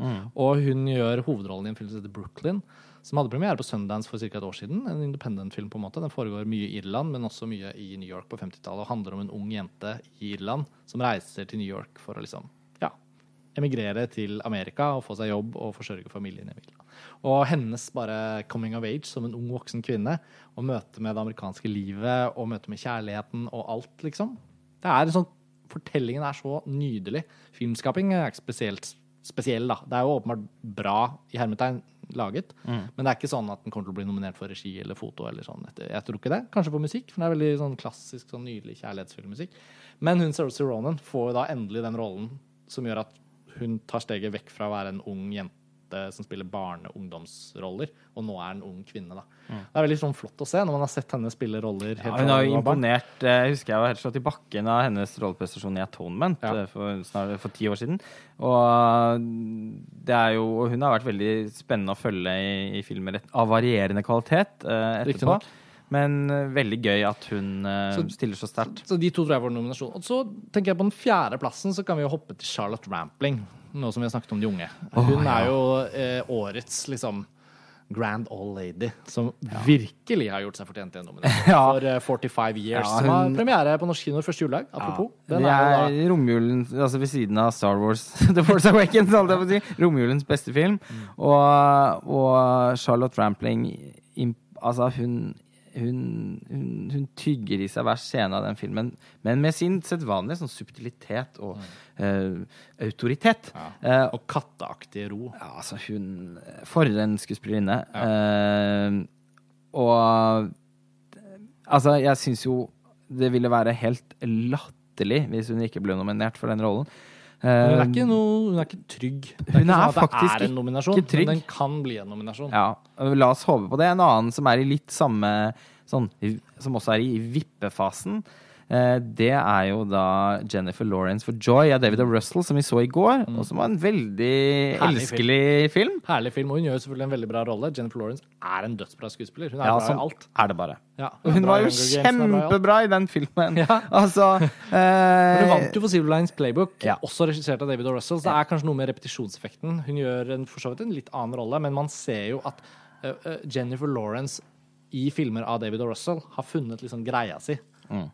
Hun gjør jo på en måte Det er jo som litt at hun synger seg på samme verset, på en måte. Ja. Men eh, det er jo ikke noe mindre imponerende. Hun- Nei, det er ikke det. Hun er jo kjempebra i filmen. Ja. Så det, det ville helt det, Jeg syns bare det ville vært gledelig hvis hun eh, eh, Hvis det ble sånn at hun ja. endte opp med å få en nominasjon. En annen noen har snakket om, er Charlize Theron for Mad Max Fury Road. Hadde det skjedd, så hadde jeg jo bare applaudert. Ja, det hadde bare vært kjempekult. Jeg har så sans for Charlize Theron. Hun Ja, er så kul skuespiller. Og hun er jo en av de som liksom Ja, hun er i disse parfymereklamene, og hun er liksom i hermetegn den store, vakre stjernen. Men de kuleste rollene hennes, så er det jo nettopp det motsatte. At hun bare er så jævlig bra og tøff skuespiller. Young Adult, for eksempel. Young. Adult av Jason Reitman, hans eh, kanskje eneste bra film i min bok. Den er jo helt utrolig. Og det hun gjør i Mad Max Fury Road, er jo også Det er jo ikke noen eh, filmstjernerolle. Nei. Det er jo en eh, Ellen Ripley-aktig actionheltinne. Samtidig, Som- den, ja, den liksom- eneste skuespillerinnen som har fått en nominasjon for det man kan kalle en type tilsvarende rolle tidligere, er jo Sigourney Weaver for Aliens, den Ja. andre Alien-filmen. Og det skal sies at eh, Det er en stolt tradisjon som Charlize Theron kan føye seg inn i. Ja, men det skal jo på en måte sies at Sigourney Weaver sin rolleprestasjon i Aliens spiller på et ganske mye større register. Ja, og det er noe For det er jo det som kan spenne ben på Charlize Theron. ikke helt noe emosjonelt som settes i sving. Kanskje burde det heller være en birolle Ja, for jeg opplever det heller ikke egentlig som en hovedrolle nødvendig. Altså, det er den filmen filmen har ikke noen annen hovedrolle heller, da. For, for, for Ma- Mad Max selv har vel kanskje 15 replikker i løpet av hele filmen. Oh, Tom har noe Gjør ikke noe særlig litt inntrykk sånn spillmessig. no, bak en maske. Han ble gikk litt sånn tilbake i Bane-modus, Ja, som jeg syns er- fungerte utmerket. Nei, altså hun er jo på en måte filmens skuespiller, men det er jo også til syvende og sist en film som jeg ikke syns jeg, jeg føler ikke at hun bærer øh, filmen. Det er det Nei, ja. Det er det filmen som gjør. Det er det filmen som gjør, rett og Ja, slett. Så jeg, jeg ville nok synes det har vært litt hårreisende hvis hun fikk en nominasjon foran nesa på Charlotte Rampling, eh, for eksempel. Birollekategoriene. Altså, der er det jo Vi, vi har ikke snakket om Alicia Vikander eh, ennå. Eh, hun, jo, hun har jo egentlig to filmer med i racet i år. Hun spiller jo i The Danish Girl. Og Ja. der er hun vel aktuell kanskje for beste kvinnelige hovedrolle. Ja, fordi det, det har vært litt usikkerhet rundt det. Du har jo sett den filmen, men det er burde jo også være aktuell i birollekategorien for Eksmakene. Som jeg syns er en helt utrolig bra film, som burde vært mer en Oscar-buzz-film, men som måte ikke helt har blitt det. Nei, og det er veldig leit, fordi Alice Vikander altså, For birolle i Ex Machina så burde hun jo vært eh, altså, favoritt eh, av de jeg har sett, i hvert fall. Eh, fordi hun er helt fantastisk i den filmen. Og filmen er også så god, som du sier. Men jeg syns jo eh, The Danish Girl av Tom Hooper var helt latterlig. Men eh, det kan Ja, lese om omtalen det. din på montasje er ganske morsom. eh, ja, Du knuser den filmen litt. Ikke at jeg var så interessert i utgangspunktet, men ja. Eh, Så hvis det er noen som vil eh, Ja, vil, eh, vil vite hvorfor jeg syns den er så dårlig, så kan man lese den omtalen jeg har skrevet etter at jeg så den, Den på filmfestivalen i den har jo heller ikke blitt en Oscar-film i år. Det er jo Neida, den, så- Det blir kanskje et par nominasjoner. Kanskje Alicia Vikander, men utover det Nei, og det skal sies at Alicia Vikander er det beste med filmen. Ja. Så jeg vil ikke grått Og jeg syns uansett det er veldig gøy at hun kan få en nominasjon. Hun har imponert meg i mange filmer, eh, helt siden jeg så henne for første gang for en del år siden i den svenske filmen 'Til det som er vakkert', som hun vant en Gullbagge for, og som var ja, som jeg syns var et av de beste rolleprestasjonene jeg så i noen film eh, det året. Så uh, Alicia Vikander er en favoritt. Så, men jeg, jo, jeg ville jo foretrukket at hun ble nominert for Ex Machina. Hun, altså Hvis man da tenker at det er i birollekategorien at hun er aktuell, så, så vil jeg nok dessverre tro kanskje at det blir for The Danish Girl. Men hvis Oscar Academy liksom plutselig bestemmer seg for å være litt kule, så blir den. Jeg tror i hvert fall hun får en nominasjon i en av de to kategoriene. Uh, og det er litt uh, Her vet jeg ikke hvem de har liksom valgt å satse på, eller hva, Nei, hvordan, de, hvordan de har tenkt. Der burde vi kanskje gjort litt mer research. Nei, men det er litt tidlig òg. Vi må på en måte også se an eh, hvordan ting eh, utformer seg. Ja. Eh, Screen Actors Guild-nominasjonene var veldig corny i år. Mange har sagt at det virker som det har skjedd noe rart der, og at ikke det nødvendigvis er en så klar uh, indikator da, på hva som skjer på Oscar. Nei, den The Big uh, Short, for eksempel. Denne finansfilmen. Ja, det gjelder jo særlig de mannlige kategoriene. Der tenker jeg at i beste skues i, i, i liksom kategorien for beste skuespiller så har man noen favoritter som, som åpenbarer seg. Altså Leonardo DiCaprio for The Revenant, Michael Fassbender for Steve Jobs. Selv om den filmen, på tross av hvor ekstremt bra den er, har på en måte blitt skrevet litt ut av Oscar-racet fordi den gjorde så dårlig på kino. Ikke fordi den, den fikk jo kjempebra kritikker, men den har på en måte bare blitt diskvalifisert rett og slett fordi den liksom ikke connecta med publikum. da. Det er jo bare veldig synd. Uh, Matt Damon for The Martian er en kandidat som mange mener at kommer til å bli en nominert. Johnny Depp for Black Mass. Uh, den gangsterfilmen, eller hva det er, krimfilmen som Ja. du så i Venezia. Ja, det var en Eh, veldig trøttsom film. Og så er det Bryan Cranston, altså Breaking Bad-hovedpersonen, som, eh, som har på en måte gjort en rolle som i en film som virker litt sånn ubetydelig, men som handler om en mannsfatter som blir svartelistet i Hollywood på 50-tallet. Eh, og er det én skuespiller som nå for faen har gjort seg fortjent til en Oscar, så er jo det Leonardo DiCaprio. Ja. Altså, kan ikke de bare må gi det ham være dags. Ja. Selv om vi i At våre han ikke fikk den for Wolf of Wall Street, er jo bare helt ko-ko. Det er en skandale, og i vår drømmeverden så skulle, er det mange andre filmer som han nok eh, hadde fortjent den enda mer for enn The Revenant. Ikke for, fordi at han er så dedikert i, i, i sin rolletolkning Men det, altså, det, han, han bare liksom Han gestalter jo en figur i The Revenant som har en ganske sånn monoton tilstedeværelse. Det er veldig mye sånn grynting og, og lidelse og skriking og Kravling. kravling og Men, men han, Men det er veldig overbevisende. Han har gått all in i den rollen. Og det er jo også gøy å kunne At skuespillere kan vinne for litt mer sånn fysiske skuespillerprestasjoner. Jeg eh, syns DiCaprio virkelig liksom er i sitt ess når han har, spiller mer sånn dialogtunge roller. Mm. Sånn som i The Wolf of Wall Street eller Catch Me If You Can. Ja. Men eh, for all del, nå er det på tide at han får en Oscar, så jeg håper og tror at, at det blir for eh, The Revenant. Men han Brian Cranston regnes jo nå plutselig også som en stor favoritt. Michael Fassbender også Ja. kommer man ikke utenom, tror jeg. Jeg har ikke sett Steve Jobs, har Nei. enorme forventninger. Kjempestor fan av Danny Boyle, men du har sett den, og Ja. har be... Den er helt fantastisk, og, men han spiller jo en helt sensasjonelt usympatisk rollefigur òg. Og, og ta Gone Girl i fjor, da. Altså, Der er det jo en dårlig sammenligning, fordi Gone Girl ble en kjempesuksess økonomisk. Så derfor trodde man jo ok, da blir jo det en av de Fincher-filmene som får masse nominasjoner. nominasjon. Den ble bare nominert for Rosamund Pikes ekstraordinære rolleprestasjon, riktignok, eh, som Amazing Amy. Men, men Steve Jobs har jo mye mer Oscar skrevet over seg selv. Liksom. Det er jo egentlig mye mer logisk at det blir en Oscar-film enn at Gone Girl skulle bli det. Men, men de lider litt kanskje av den samme følelsen, at det er, de er så godt likt av de som liker dem. Men, men, men den der veldig sånn varmhjertede omfavnelsen uteblir litt fordi at filmens univers syder av på en måte det usympatiske, det dårlige ved mennesket, men også suksessfulle liksom, paranoide psykopater. Altså det er noe med Så eh, han gjør en helt utrolig rollefigur. Men sånn som med Shame, da. Alle trodde han kom til å bli nominert, men det var jo ikke en særlig sympatisk fyr, det heller. Og, og, og det er kanskje noe av Fassbenders problem, da. Er at han er så god på å spille eh, de jævlige. At, eh, at han kanskje ikke helt kommer til å naile liksom, Oscar-greia før han da blir det som en bad guy. Han Altså at- fikk jo ikke nominasjon for rollen sin i 300 heller. Nei, morsomt. Eh, men, han, men han tror du ikke også at kanskje det er mulig? At, at, fordi bad guyer blir jo ofte Oscar eh, Det er jo årsaken til belønnet. Det er jo årsak, ja. Men man Anthony liker Hopkins. Ja, men da må det være en, ofte litt mer sånn karikerte Bardem. Ja, men- bad guys. Enig, men sånn, jeg tror Michael Fassbender, eller Michael, eller ja, altså han kommer Hvis ikke han gjør noe rart, så kommer han til å vinne han Oscar. Fre- fremst- Han er for bra. Ja, men Han har også gjort Macbeth i år. Den kommer jo ikke til å bli nominert, for det er jo en altfor liten film. Den er det jo ingen som er interessert i. Men altså, fremstillinger av genuint sånn ubehagelige, problematiske personer Mm. eh, De vinner sjeldent Oscar. Og det er vel også årsaken til at Leonardo DiCaprio da ikke vant for uh, The Wolf of Wall Street.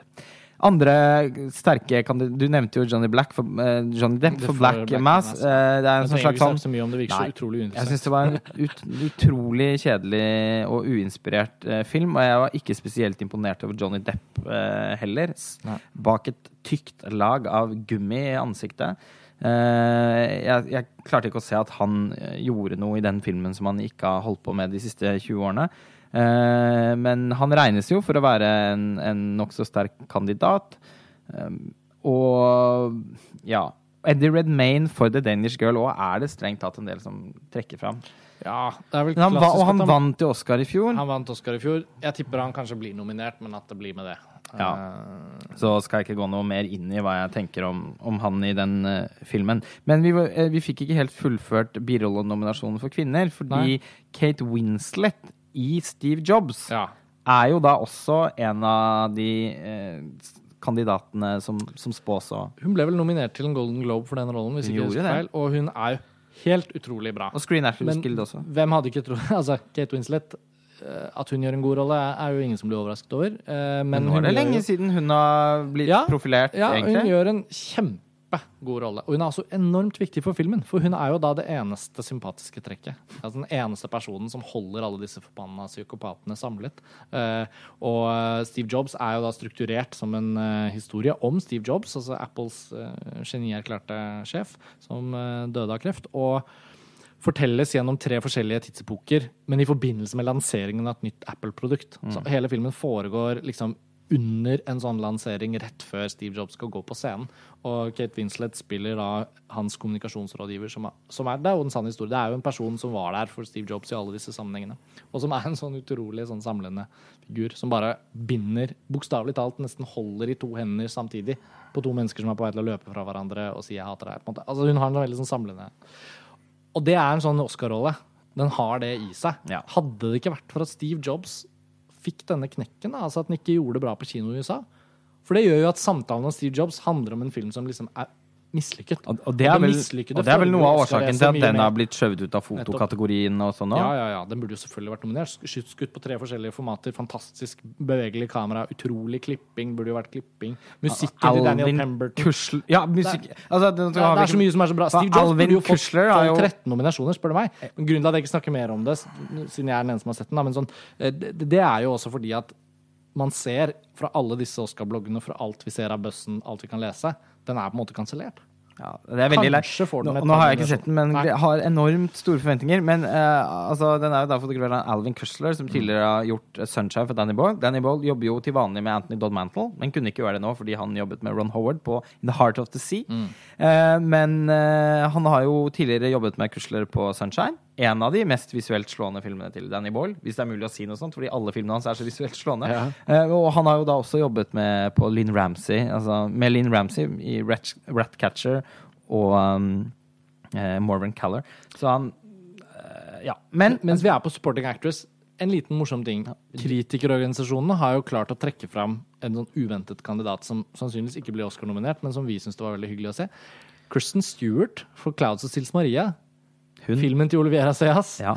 som hadde premiere i Cannes for nesten to år siden. det kan jeg si, hadde hun vært nominert, så ville hun vært min suverene favoritt. Ja, hun gjør en helt utrolig bra rolle, men det er selvfølgelig en sånn artfilm som på en måte aldri hevder seg i Oscar-løpet. Og den har jo på en måte ikke en Oscar-kampanje Men hun gående. er altså så god i den filmen. Ja, rollen hennes er helt ekstraordinært bra. En av årets beste rolleprestasjoner overhodet. Amerikanske filmkritikere har gitt henne pris etter pris etter pris på disse utdelingene. Og hun vant jo en Cesar òg. ja, Som første amerikanske skuespillerinne Så jeg noensinne. syns det var verdt å nevne, i hvert fall. Selv om ikke Ja, det er hvis de sannsynlig at hun blir virkelig hadde vært kule, Ja. så hadde hun eh, fått en nominasjon. En annen som er nesten sikret, tror jeg, eh, er jo Jennifer Jason Lee for The Hateful Eight. Ja, hun har jo egentlig vært den eneste da skuespilleren, og hun er forstått den eneste kvinnelige skuespilleren i den filmen, så vidt jeg vet, men Ja. hun er jo da den eneste av, av skuespillergalleriet som blir snakket om Mm. rundt Oscar eh, i år. Men hun snakkes jo også såpass hot om at hvis Hateful Eight nå, etter hvert som den kampanjen kommer i gang og filmen begynner å bli vist, hvis den får mer og mer buzz, så tror jeg hun kanskje kan stige opp helt i liksom toppsjiktet. Men det er litt sånn uforutsigbar kategori i år. Det er litt Beste ja. kvinnelige hovedrolle. Ja, nå har vi, jeg føler allerede vi har snakket om mange. Det er vanskelig å lande på fem her. Ja. Eh, noen snakker også om Helen Mir Mirren i den Trumbo. Ja. Men eh, OK, vi får eh, bevege oss Skal vi hoppe videre, videre? til Beste mannlige birolle, da. Eh, der er det jo morsomt med Sylvester Stallone, bare for å hoppe tilbake på det. Creed er jo da en slags reboot-oppfølger i Rocky-serien, som handler om sønnen til eh, bokseren og kameraten Apollo Creed, som var liksom en sånn nær venn av Rocky i løpet av flere av filmene. Eh, og Litt sånn Rocky The Force Awakens. ja, det er litt sånn, ja. Det, eh, hvis Harrison Ford gjør han solo som en litt sånn gamle far, syvende far i huset i eh, The Force Awakens, så er det det Sylvester Stallone gjør med sin eh, Rocky-rollefigur her i Creed. Og ingen av oss har sett den, eh, så vi kan ikke si så veldig mye om hva han gjør. Men alt tyder på at han gjør en veldig sånn rørende sånn gammelmannstolkning. da. Nesten sånn på Clint Eastwood-nivå. At han kommer inn fra venstre og bare Så det får vi se. Men, men Buzz, ja, Bu- Bussen har vært veldig god. Han ble Golden Globe-nominert. Den kategorien her er også litt sånn Der er det mange sånne ra Det er litt sånn rar i år. For jeg føler det kommer sånne corny rollefigurer inn fra høyre og venstre, og som har meldt seg som favoritter. Min personlige kanskje favoritt er nok han lille gutten fra Room, bare fordi det er så utrolig hvor bra han spiller. Og når man vet at et barn er et barn. Det var litt det samme med Den sjette sansen. Er, er det mulig at han spiller så bra? Ja. Og, det er litt i den kategorien, så jeg tror han kommer til å bli nominert, men ja, vi får se. Han eh, regnes da veldig mange for å liksom være blant de fem. Ja, og så eh, liker hotteste. de litt å kunne gi det til et sånt lite barn som gjør noe bra. Akkurat sånn som hun Kuansi Wallis I Beasts of the Southern Wild, ja. ja. Eh, ble nominert. Men eh, ja, av de andre her, Mark Rylance i Bridge of Spies glimrende rolle. Tipper han blir nominert. Eh, Ja, det tror jeg nesten er helt jeg tror også at en av gutta fra Spotlight kommer til å bli nominert. Vi, vi må jo begynne å snakke om den snart. Det er jo faktisk filmen som, som regnes som storfavoritt i veldig mange kategorier. Det er en film uten hovedrolle. Det fins ikke en klar hovedrolle. Det er en ensemblefilm. eh, og det betyr at den kommer kanskje til å bli nominert i noen av disse birollene. Rachel McAdams gjør en veldig fin rolle. eh, Ja, hun er, løftes også til en viss grad fram i den uh, ja. Og så har man både Michael Keaton, som ikke fikk Oscar for Birdman, men som burde hatt det i fjor, Mm. og, og Mark Ruffalo også gjør en veldig fin eh, birolle. Men altså, det morsomme med Spotlight er at ingen av skuespillerne er bedre enn de andre. Alle er bra. Mm. Men det er ingen som liksom skiller seg ut, som har en sånn enkeltstående scene som bare sånn Å, der kom den, liksom. Nei. Filmen er bare sånn jevnt god på alt. Mm. Uspektakulær i alt. På en måte sånn, ikke sant? Den har ikke en utrolig lyssetting eller et foto som bare åh, eller liksom klipp som er sånn sånn og sånn. Du legger liksom ikke merke til én enkeltprestasjon på noe nivå, Nei. men fortellingen og driven og opplevelsen er bare sånn alt er bra. Ja. Å, jeg gleder meg til å se. Eh, det, men altså For de som ikke vet det, Spotlight er da en film om journalister i Boston Globe som jobber med å avsløre den katolske kirkens eh, eh, De skjuler pedofile prester fra eh, rettsforfølgelse. Det er en veldig sånn sterk sånn moralsk ryggrad i den historien. Ja. Høres lovende ut. Ja. Eh, og en annen film som jeg har sett, som ikke du har sett, men som regnes som en av de sterke kategoriene i, i denne kategorien, er jo Paul Dano sin rolle i filmen 'Love and Mercy'. Er det en Beach Boys? Uh? Ja. ja. Om uh, Brian Wilson, eh, som var på en måte hjernen i, i The Beach Boys. Og det er en, det er en god film. Og eh, Paul Dano er det absolutt beste med den filmen. Og jeg eh, har satt veldig stor pris på han som skuespiller i, i, i ganske mange filmer. Jeg syns det var helt utrolig at han ikke ble nominert for There Will Be Blood back Ja. in the days. Hans bidrag til den filmen er rimelig viktig. Ja, det er jo helt eh, det, Man kan jo bli helt svimmel av å tenke på at det er mulig å ikke nominere ham for en så en, i dag ikonisk rolleprestasjon. Men eh, men han kan nok få sin første nominasjon for Love and Mercy. Det er veldig mange som, som tror det. Jeg har også troen på det etter å ha sett filmen. Den gjør veldig inntrykk. Og eh, mange løfter jo da også fram Idris Elba i Beast of No Nations, også som er en av de sterkeste eh, kandidatene i den kategorien. Han er jo han er jo bra, men jeg gjorde ikke noe spesielt inntrykk på meg. For meg var det han gutten. Ja, Abraham Atta. Atta. Ja. Eh, Han er vel også en kandidat til beste mannlige hovedrolle? Ja, men det er, det nå er det veldig få som snakker om det. Jeg syns det er merkelig, for han er jo eh, mildt sagt imponerende i den filmen. Jeg syns han var det beste med filmen. Han er det. Han er utrolig bra. Eh, mens eh, Idris Elba, ja, bra, men jeg ser ikke helt eh, hvorfor det er så bra. Men uh, Tror du noen av de Michael fra Shannon for 99 Homes til Ramin Barani er det også en del som har trukket fram. Det syns jeg er helt ubegripelig. Ja, Det er en parodi. Den så vi jo i Venezia for litt over et år siden. Et og et halvt år siden. Ja. Det var jo bare en forglemmelig dårlig amerikansk independent-film. Ja. Men det Som, jo som har fått veldig eh, gode kritikker. Det er veldig merkelig. Er- Jeg, jeg har mer tro på at en av disse eh, gutta fra The Big Short, en film vi ikke har sett, som handler om finanskrisen, men som har fått mye buzz, er regissert av han eh, som har gjort Anchorman-filmen og sånn, Adam McKay. Mm. Som skal liksom prøve å gjøre sin første liksom, i hermetegn ordentlige film. Ja. Eh, og den har fått ganske bra buzz og ganske bra box office nå den første helgen. Den hadde premiere nå en uke siden på, på et par kinoer i USA. Og der er det jo mange berømte skuespillere da, som har slengt seg på. Christian Bale gjør visstnok en bra rolle der. og og samme gjelder Steve Carell. Til og med Brad Pitt har slengt seg med. Så det er, liksom sånn det er litt vanskelig å vite med den. Eh, kanskje i neste episode av Oscar Buss-podkasten at vi vet mer. Det konkretisert seg litt. ja. Ja. for det er jo no, en, noen av disse kategoriene som dere hører, så er, er det jo, blir det jo litt vanskelig å liksom falle ned på, på fem som vi nærmest føler oss sikre på at blir nominert. Jeg tror det kanskje blir litt enklere i den siste kategorien vi skal snakke om før vi går over til beste film, eh, som er da beste musikk. Ja. Eh, for der er det Ja, sånn- ganske mange sånn sterke hjertekategori, det er Ja. Eh, Det Tor Joakim skulle vært her Ofte med oss, ja. eh, men ofte, ofte, man blir ofte skuffet over utfallet. Men særlig fordi Hans Zimmer aldri vinner. Ja. Han vant jo bare den ene gang for 'Løvenes konge'. Det altså. var liksom før vår tid. Det var ikke like. Nei, det syns jeg Jeg har vært like Altså, at han ikke vant for Interstellar i fjor, det eh, Man bare rister på hodet. En hel verden av det filmfans. Ja, det rister på hodet. Men, Men, årets, eh, årets kategori, la oss, eh, la oss ta det for oss. Eh, ja, det er jo to De to største nålevende filmkomponistlegendene. ja, du kan starte der. Det er jo helt sant. Ja, Det er litt av et år. det er litt av et år. John Williams Og Ennio Morricone. Ja. De er nominert i år. Bare å se de sitte der i den salen blir jo verdt eh, De er ikke nominert ennå, men de kommer til å bli det. Det blir de begge Ja. to. John Williams har vel da, får vel da sin 3000. nominasjon, eller noe i den dur. Ja. Eh, Han har jo vunnet fem Oscar, så ja, det har ikke han- stått, står ikke på hans Nei, eh, han vinner sånn. neppe. Nei, Eh, men, men, men den filmen den, det, det han har gjort der i The Force Awakens, å komme tilbake og Ja, Tor Joakim var jo ikke helt toppfornøyd med John Williams, eh, for han savnet vel at det ikke var nok nytt stoff. Men dette er en gammel mann som kommer tilbake til Star Wars-universet og gjør et, egentlig et formidabelt soundtrack eh, som Jeg tenker at i hvert fall i Oscarsammenheng Ja. så er det vel ingen tvil. Altså, Burde ikke være det. Nei, og jeg var også litt skuffet over, eller i hvert fall litt underveldet over det nye Star Wars-soundtracket hans, fordi jeg hadde håpet på flere eller, sånn nye nynnbare temaer. Mm. Men det skal sies at etter å ha fått lyttet litt på soundtracket de par siste dagene, så, så har det vokst litt, Mm. og, eh, og jeg tror han er helt garantert å få en nominasjon.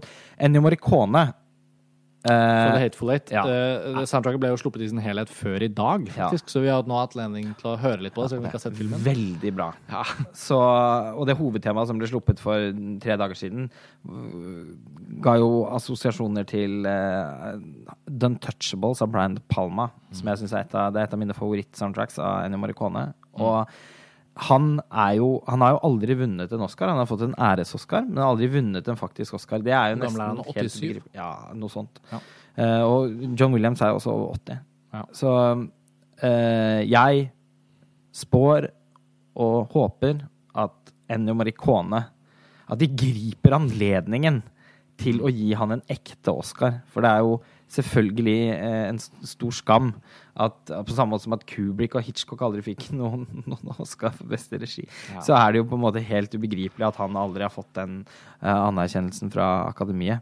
Glem ikke det at han ble jo ikke nominert engang for Once Upon a Time in America, som i manges ører er kanskje den beste filmmusikken Det er jo helt utrolig. Han er født i 1928, så han er vel 87 da. Eller blir 87 i hvert fall. Um, Nei, hva skal man si? John Williams eh, er jo også selvfølgelig antagelig nominert. Men, men Carter Burwell, som har gjort scoret for Carol, burde jo også være en eh, kandidat. Han, eh, han er en sånn eh, underfundig, eh, kul komponist som, eh, som har gjort veldig mye bra, men som aldri kanskje helt har vært der oppe i, i liksom eh, Oscar eh, Han er ikke har- blitt nominert så ofte, han. Altså, nei, altså han har Jobbet ikke mye vært med Coven-brødrene. Ja, og, og han er jo liksom sånn litt sånn, Fast for Coven-brødrene? litt sånn snål, litt sånn bakgrunnsfigur. Jeg føler han Carter Burrell, har liksom vært aldri fremme i offentligheten. Seg. Jeg hadde ikke kunnet si hvordan han ser ut engang. Men han har jo eh, vært vært fremme med mye. Han har blitt Golden Globe-nominert uh, for Carol. Uh, han fikk vel en nominasjon for Where the Wild Things Are også, ja. Men han har faktisk ikke vært Oscar-nominert, merkelig nok. Uh, han gjorde vel Fargo for Coen-brødre. Ja, det, det er jo helt helt utrolig musikk. Ja. Uh, og han eh, har også gjort, eh, gjort musikken for eh, Spike Jones, hvis ikke jeg husker feil. Adaptation og Mm. Bing John Malkovich. Ja. Så han er jo da tydeligvis en av de som kan ligge godt an til å bli nominert. Ja, han er regnes for å være blant de fem storfavorittene. Jeg har ikke Det- om animasjonsfilm ennå, men der er jo du din favoritt. Ja, fordi det er faktisk min Altså sånn eh, Jeg håper jo helt klart at Ennio Morricone får en Oscar, men skulle jeg bare Nå har jeg jo ikke fått anledning til å Jeg har jo ikke sett The Hateful Hate ennå, det er jo ingen av oss. eh, og heller ikke fått anledning til å lytte på det soundtracket mer enn et par-tre timer før vi gjorde dette opptaket. Mm. Så det har ikke festet seg helt uh, ennå. Det soundtracket jeg har hatt mest glede av å høre på blant de som ville være aktuell for en nominasjon eh, i, i år, det er Inside Out til Michael Giacchino. Og Inside Out er jo selvfølgelig en helt sånn sensasjonelt favoritt i beste animerte spillefilmkategorien i år. Ja, kanskje må- bare side om side med Anomalisa til Charlie Coffman, men det er jo helt forskjellige filmer. Men Inside Out er vel også en kategori i liksom Altså, altså en kategori. En favoritt, i, eller en sannsynlig nominert, i hvert fall, i både originalmanus og kan Beste film. Beste film, ja. Den kan jo veldig fort melde seg på i den kategorien òg. Så det var liksom fint at vi kom inn på Inside Out til slutt. eh. Ja, jeg syns jo den filmen er helt fantastisk, og, og en av de mest gripende Det er den filmen i år jeg har blitt mest rørt av. Ja, det tror jeg faktisk er tilfellet for meg også. Den og Søstre, kanskje. Ja. Og de har på en eller annen besynderlig ting noen ting til felles. Eh, På en Eh, besynderlig måte noen ting til felles, men ja. eh, det skal vi ikke snakke om nå. Eh, Men uansett eh, Musikk. Soundtracket hans, eh, Michael Giacchino. Er litt Mm. sånn blandet forhold til han. Eh, I min bok, Inside Out, beste han har gjort, kanskje, ved siden av The Incredibles. Mm. Og det er dun, dun, i hvert fall beste i år, bedre enn Jurassic World. Ja, altså, det er noe med hovedtemaet til Inside Out, og mange av de litt sånn melankolske partiene i det soundtracket som er vanskelig å ikke bli veldig berørt av. Jeg tror alle disse fire blir nominert. Eh, Og den siste plassen er vanskelig å si. Altså Spotlight, nok en gang, den er jo en svært aktuell favoritt i mange kategorier. Og, og musikken til Howard Shore er faktisk steinbra. Det har jo jeg ganske, da også hørt på Ja, på det er ganske anonym sånn. Den er liksom ganske sånn Tar det ned, Mm. akkurat som jeg sa i stad. Hele filmen er sånn. Det er ingen som liksom stikker seg ut. Men Howard Shore er jo selvfølgelig en, en maestro. Og det er liksom deilig å det er det beste han har gjort på lenge. ja, det er deilig å se at han er liksom ferdig med Nå er han virkelig ferdig med Tolkien-universet, så nå kan han gå litt mer Etter tilbake til noe annet. dødsuinspirerte Hobbiten-soundtrackene, så var det deilig å se han tilbake i storform, syns jeg, på Spotlight. Jeg ville tenkt at Altså, når når filmen er så populær òg, at det nesten er en selvskrevet nominasjon. Jeg tror også det. Eh, Synd med Steve Jobs da, fordi Daniel Pembertons arbeid der er også veldig bra. Det er jo kanskje det jeg har hørt mest på de siste par månedene. Vet du hva? Eh, når vi ne, ba, Men bare fordi jeg føler kanskje ikke at den er aktuell, da, Mm. så hadde jeg nesten glemt den. Ja, Inside Out i betraktning På tross av Inside Out, Ja. det soundtracket jeg har hatt aller mest glede av uten å ha sett filmen, det er jo Daniel Pemberton sin soundtrack til Steve Jobs, Ja. som er en slags sånn fantastisk kombinasjon av, av Det er noe sånn nesten sånn vangelisaktig synt der. Det er noe som kan Noen sånn Philip Glass-aktige partier. Mm. Det og, og noen spor som nesten høres ut som en Altså musikk som bare er sånn skreddersydd for, det, for en Danny Boyle-film. Mm. Eh, sånn euforisk, elektronisk eh, musikk.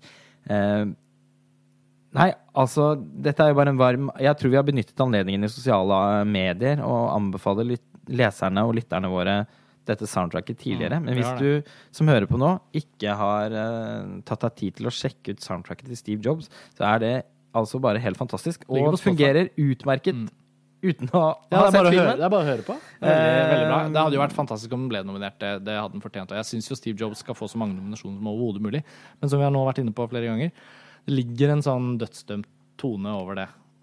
Den filmen ble litt drept av box-officen, og derfor er den ikke med i Oscar-bøssen på den måten den burde ha vært. Eh, Jeg tenker vi skal sneie innom beste ikke-engelskspråklig film, og Ja, så gå til beste filmkategorien. Fordi i dag morges så kom nyheten fra Hollywood om at uh, Akademiet har skåret ned listen over aktuelle kandidater til beste ikke-engelskspråklige film til ni filmer. Det er jo alltid sånn at alle filmene, alle land i verden kan sende inn en film, og så gjøres det en sånn forhåndsvurdering av en komité, og så får Akademiets tusenvis av medlemmer får da beskjed om at det er de ni filmene her som skal vurderes. Og da ble jo den norske kandidaten, Bølgen, ble jo da nappet ut. Ble skilt ut med vaskevannet. Det var kanskje ikke dessverre noen stor overraskelse. Hadde, det var den beste kandidaten fra Norge som vi kunne sende, syns jeg. Jeg, Ja. jeg støtter at Jeg støttet også det Og litt valget. noen bra for Roar Uthaug. ikke sant? Han var, eh, han var åpenbart aktuell for jobber i Hollywood. Nå har vi, han har fått den jobben eh, som regissør av neste Tomb Raider-filmen. Eller rebooten av Tomb Raider-serien. Eh, og da har de vært over i Hollywood, og det har vært visninger av bølgene, og det har vært muligheter til å profilere det i Los Angeles og sånn. Hvorfor ikke? Jeg syns det var helt, helt fair. Men hun hadde kanskje ikke så store muligheter når alt kommer til alt. Det er kanskje litt for likt det Hollywood selv driver med. Ja, det tenker jeg òg. Og den, eh, den, jeg tror ikke den passer så godt overens med smaksløkene de som sitter i den komiteen. Men samtidig, jeg syns også det egentlig var et ganske sprekt valg å sende den. Jeg syns det er en god film. Ja. Så, Skal vi høre eh, listen, eller? Ja, altså det er Son of Soul, som vi så i Cannes. Ja. Premiere på norske kinoer. holocaustfilm. Storfavoritt i kategorien. Ja, og det ville være en fortjent vinner. Kjempefilm. Ja, Veldig god. Norsk premiere på Eh, nyåret. Mustang. Den har du sett? Fransk-tyrkisk. Eh, Det er en tyrkisk film, men det er en fransk kandidat fordi alle pengene kommer fra Frankrike. Helt nydelig og veldig sterk, rørende, full av sjarme. En film om fem tenåring... Altså fem søstre. Den yngste fremdeles et barn. Den eldste knapt en tenåring lenger. Men alle imellom, da. Si de er fra 12 til 19 år. Eh, som blir sperret inne av familien sin pga. konservative krefter som sier at disse jentene her må slutte å oppføre seg som vestliggjorte, frie ungdommer. De må eh, giftes bort.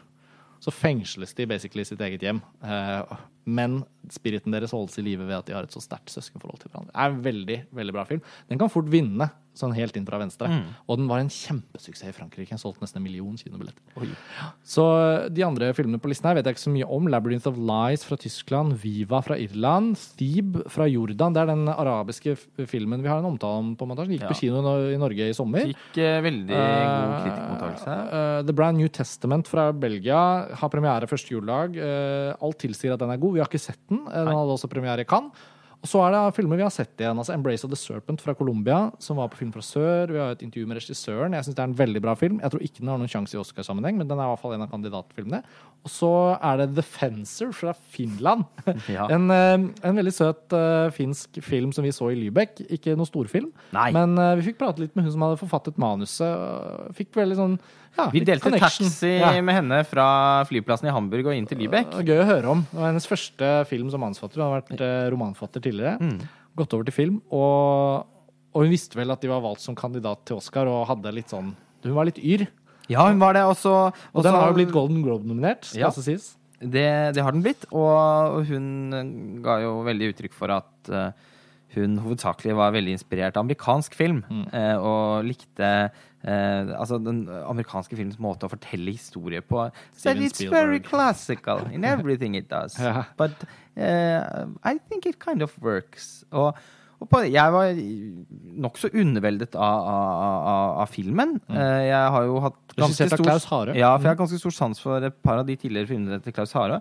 Denne særlig, eller særlig, egentlig hovedsakelig på grunn av det visuelle. Eh, Elina, som om jeg ikke fant, som var inspirert av Arthouse for ti år siden, eller noe sånt, var jo bare så utrolig vakker.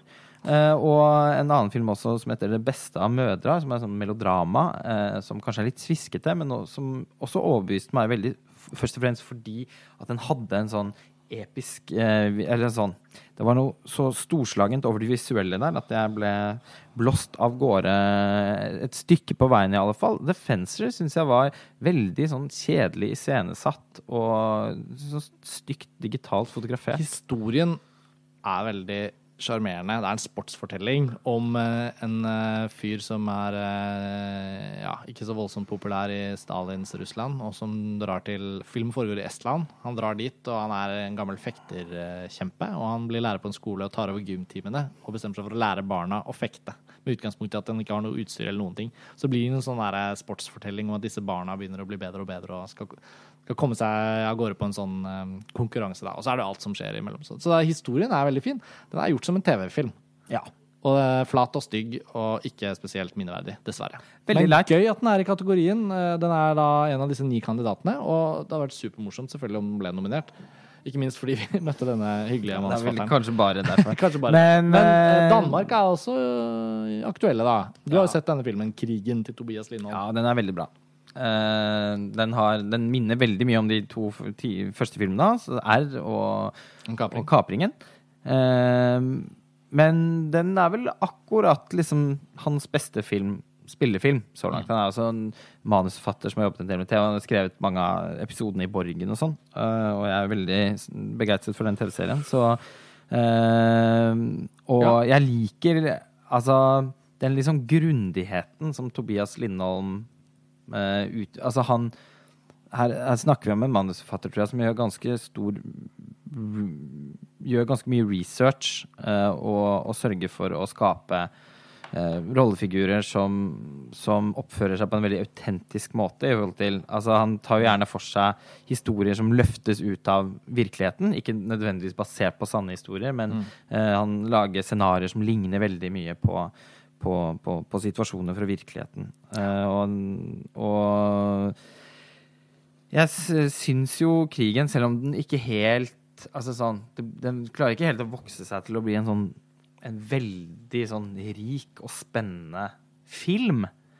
Men den er eh, så godt spilt, særlig av Pilo Aspect, som spiller hovedrollen. Og, eh, og er såpass engasjerende som et moralsk dilemma, egentlig. Fordi han velger å eh, Det er egentlig en film som jeg nesten ikke har lyst til å spoile i det hele tatt. Eh, Så den skal man få lov til å oppleve helt rent eh, hvis man velger å se den. Men på et tidspunkt i filmen så blir det veldig tydelig at Tobias Lindholm ikke ønsker å på en måte innta helt en posisjon i forhold til hvordan han eh, moralsk på en måte vurderer eh, rollefigurens handlinger. Og det er i seg selv ganske interessant. Jeg tror eh, Jeg har, ikke helt på følelsen at den vil få en nominasjon, men jeg ville, ikke, jeg ville synes det vært fortjent hvis den fikk det. Det blir spennende, og det kan vi snakke mye nærmere om i neste del, på en måte, av våre Da vi skal lage noen podkaster gjennom vinteren frem mot Oscar-utdelingen om det samme som vi snakker om nå. Og da vet vi jo mer underveis. Siste kategorien vi da snakker om i denne omgang, det er jo da beste film. Eh, Ja.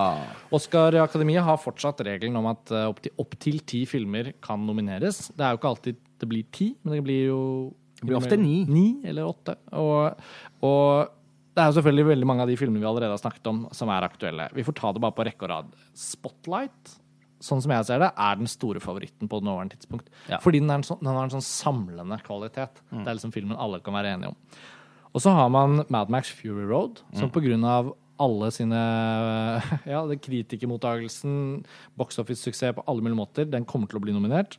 Uh, hva blir den neste vi skal nevne? Uh, Carol. Den Carol? blir vel nominert for beste film. Det er det ikke noe tvil om. De, de tre, De tre føles er vel kanskje som de sikreste. Sikreste. Og så er The Martian vel også Føles ganske sikker. ganske sikker.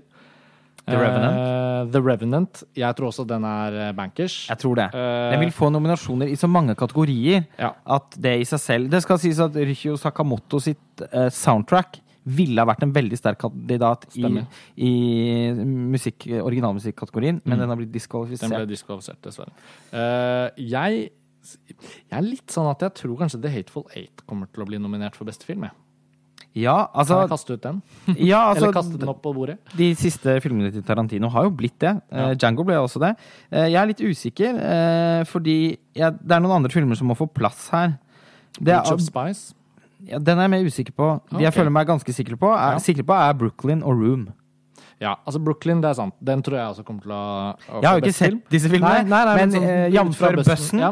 eh, så er begge de to nesten Og Brooklyn sikre, er en Oscar-film. Mm. Den har alle Oscar-filmens trekk. Der er det ingen tvil. Så lenge den anses som en god film og gjør det rimelig bra på box-officen, og, og, og bussen fortsetter å vokse og sånn. Så Brooklyn er med. Room kan fort falle ut fra beste filmkategorien, bare fordi jeg føler ikke at, at liksom momentumet er stort nok for filmen, for regissøren, for, for manus, for alle de tingene. Men var ikke Winter's Bonus nominert? Jo, jo, jeg vet. Så det, den er på vippen. Jeg vil bare si at det er ikke 100 Nei. Eh, Jeg tror det er veldig sannsynlig, så det er ikke det. Men, men jeg tror ikke Room er helt der oppe blant de mest sikre. Jeg tror f.eks. Bridge of Spice, etter min smak, da, Mm. og ut fra hvordan de kan tyde stjernene, så tenker jeg at eh, Bridge of Spice er litt tryggere enn Ja. en Room. Ja. Eh, Så skulle jeg selvfølgelig ønske at jeg kunne si at Steve Jobs også hører hjemme der. Det tror jeg ikke den kommer til å gjøre. Jeg tror det er mye mer sannsynlig med The Hateful Eight uh, i så måte. Det tror jeg også. Inside Out derimot har jeg veldig Inside Out har jeg også veldig troen på. Og så tenker jeg at før vi vet ordet av det, så kan en film som Beats of No Nation for eksempel være eh, komme inn fra siden. Altså Netflix. Klassisk overraskelse. Ja, for, og, og, og også fordi at Netflix legger så mye prestisje i det faktum at de, har, de står bak sin første spillefilm som er en Oscar-kandidat. Og eh, den ble nominert av Screen Actors Guild Award for beste ensemble. Og det pleier å være en eh, en måleenighet når det kommer til beste film. Der ble riktignok også Straight Outta Compton, denne eh, veldig suksessfulle filmatiseringen om eh, NWA, eh, rappgruppa. Eh, den ble også nominert for beste ensemble her, så jeg, den virker jo ikke helt som en aktuell Oscar-kandidat, selv om den har fått veldig mye god kritikk og solgt billetter og sånn. Så, så, så årets beste filmkategori den er ikke helt sånn, den har ikke helt blitt sånn støpt i stein. Men jeg spår herved at Star Wars The Force Awakens tar Ja. en av de plassene. morsomt, fordi nå kom den siste, siste inn fra venstre her. Jeg er jo selvfølgelig helt enig. Det er, det er Avatar. er for stor. Det er Det er Avatar. Avatar som er sammenligningen. Det er Premiere på samme tidspunkt. Uh, The Force Awakens kommer antageligvis til å tjene mer penger enn Avatar. Sånn noensinne. Hæ? Basert på åpningsdagen. Den har slått alle rekorder uh, på åpningsdagen. Ja, men det skal litt til å holde så den har lenge. premiere på samme Avatar var så stor i Asia. Den har på, premiere på samme tidspunkt. ja. Uh, Det kinesiske markedet har utvidet seg enormt siden, Siden 2009. Ja. Eh, hvis du ser på Furious 7, for eksempel, en film som gjorde det helt sensasjonelt godt i Kina. Den har spilt inn 1,5 milliarder på verdensbasis dollar, og den har gjort liksom 400 millioner dollar i Kina. eller noe sånt. Det er Furious 7 vi snakker om, som jo er favoritten for beste sang, uh, See You Again, av Wiz Khalifa, men det kan vi snakke om mer i neste episode. Uh, Star Wars kommer nok til å bli nominert. Ja, jeg tror du har rett. Uh, De to og- forrige filmene som ble den, de mest innbringende filmene noensinne, begge regissert av James Cameron, mellom Titanic og Avatar, Mm. der skjedde det ikke så mye. De, den Titanic sto sto i- helt ikke Det er ikke sikkert at The Force Awakens eh, klarer å ta Avatar. Det er ikke det, er ikke det jeg sier. Men, men den har premiere nå, og, og julen faller rett før en helg. Det, det er noe med sånn dager og kalendere og Det finnes nok noen mattestykker. Ja. Men uansett, det kommer til å bli en av tidenes mest innbringende filmer. Og eh, altså Og det liker Oscar-akademiet Om uansett. de gjør, fordi det vil jo forårsake at de får veldig mange flere seere. Jeg tror ikke nødvendigvis skuespilleren som stemmer bryr seg så mye om det, men alle, alle, alle kommer til å se Star Wars The Force Awakens. Ja. Veldig mange har et nostalgisk forhold til den serien. De absolutt fleste kommer til å like den veldig godt. Mm. Og hvis den får nominasjoner i veldig mange andre kategorier også, så Mm. er det ofte naturlig at uh, selv om den da ikke får nominasjoner i regi- og manuskategoriene, uh, så, så at den da får en nominasjon for beste film. Så, så du sa at så District 9 fikk en nominasjon for beste film. Mm. Jeg, jeg er overbevist. Men, men det må jo da gå på bekostning av noen andre filmer. Mm. Og det kan bli The Hateful Eight, og det kan bli Bridge of Spies, og det kan også fint bli Brooklyn Mm, eller, eller Room. Eller, ja. Og så får vi se hva som Eh, skjer med Joy altså av sånn- David og Russell. Den er også litt sånn på gjerdet. Nei, den er ute. Den Ah. er ute. Den har fått den har fått lunken til dårlig mottakelse i Eller i hvert fall veldig lunken mottakelse i USA. Ja, ikke løftet fram på noen er. kritikerlister. Noe skuespillnominasjoner kanskje, men ikke sjanse Under Steve Jobs, tror jeg. Ja, okay. Steve Jobs har kritikeroppbackingen, og den har Golden Globe-nominasjon. Altså, altså, Ja. Joy har også et par av dem, men eh, dessverre Filmen er jo, filmen er jo kjempegod. Ja, Så, det var, ja, eh, men jeg- Kanskje litt fordi jeg så den i går og likte den så godt at jeg tenkte ja, men den er vel aktuell. Men ifølge bookmakerne, i hvert fall, så tror jeg ikke den er en a force to be reckoned with. Nei. Men hvis, man, hvis vi skal falle ned på noen sånn Spotlight, The Martian, Carol, The Revenant, Mad Max Fury Road føl, og Inside Out føles som de sikreste. Ja, og egentlig Star Wars, nå som vi har snakket om, så tenker jeg den kommer til å Og så bli- det blir noe Brooklyn eller Room. eh, og, og kanskje noe høyt. Men her det er ikke plass til flere enn ti. Nei. Ofte velger de bare ni. Ja. eh, noen ganger åtte. Eh, Ja, vi får se. Det blir, ja, du, det, men det gjør det jo litt spennende, da. Konklusjonen er at de, de siste to-tre plassene er, er litt sånn up for grabs. og så plutselig, den Creed. Ja da, for den er også en sånn suksesshistorie. Så høyt elsket. Så Og så er gode jo- kritikker. Oscar-akademiet har jo fått veldig mye velfortjent kritikk for at de har et ganske hvitt blikk på hva film er. Eh, vi husker jo i fjor da Selma av Ava DuVernay, som var så jævlig bra, Ja, og som burde vært kjempebra. nominert i masse kategorier, ikke ble nominert. Og her har vi jo en annen svart regissør som gjør en kjempebra film. eh, svart hovedperson. Og, og filmen står eh, så sinnssykt bra på egne ben målt mot andre i den kategorien. Og den der vellykkede sportsfilmdramaet med litt sånn svulmende følelser og sånt eh, under. Med bra rolleprestasjoner og sånt. Det er Det er ikke noe si aldri. Oscar-akademiet har for vane å mislike, i hvert fall.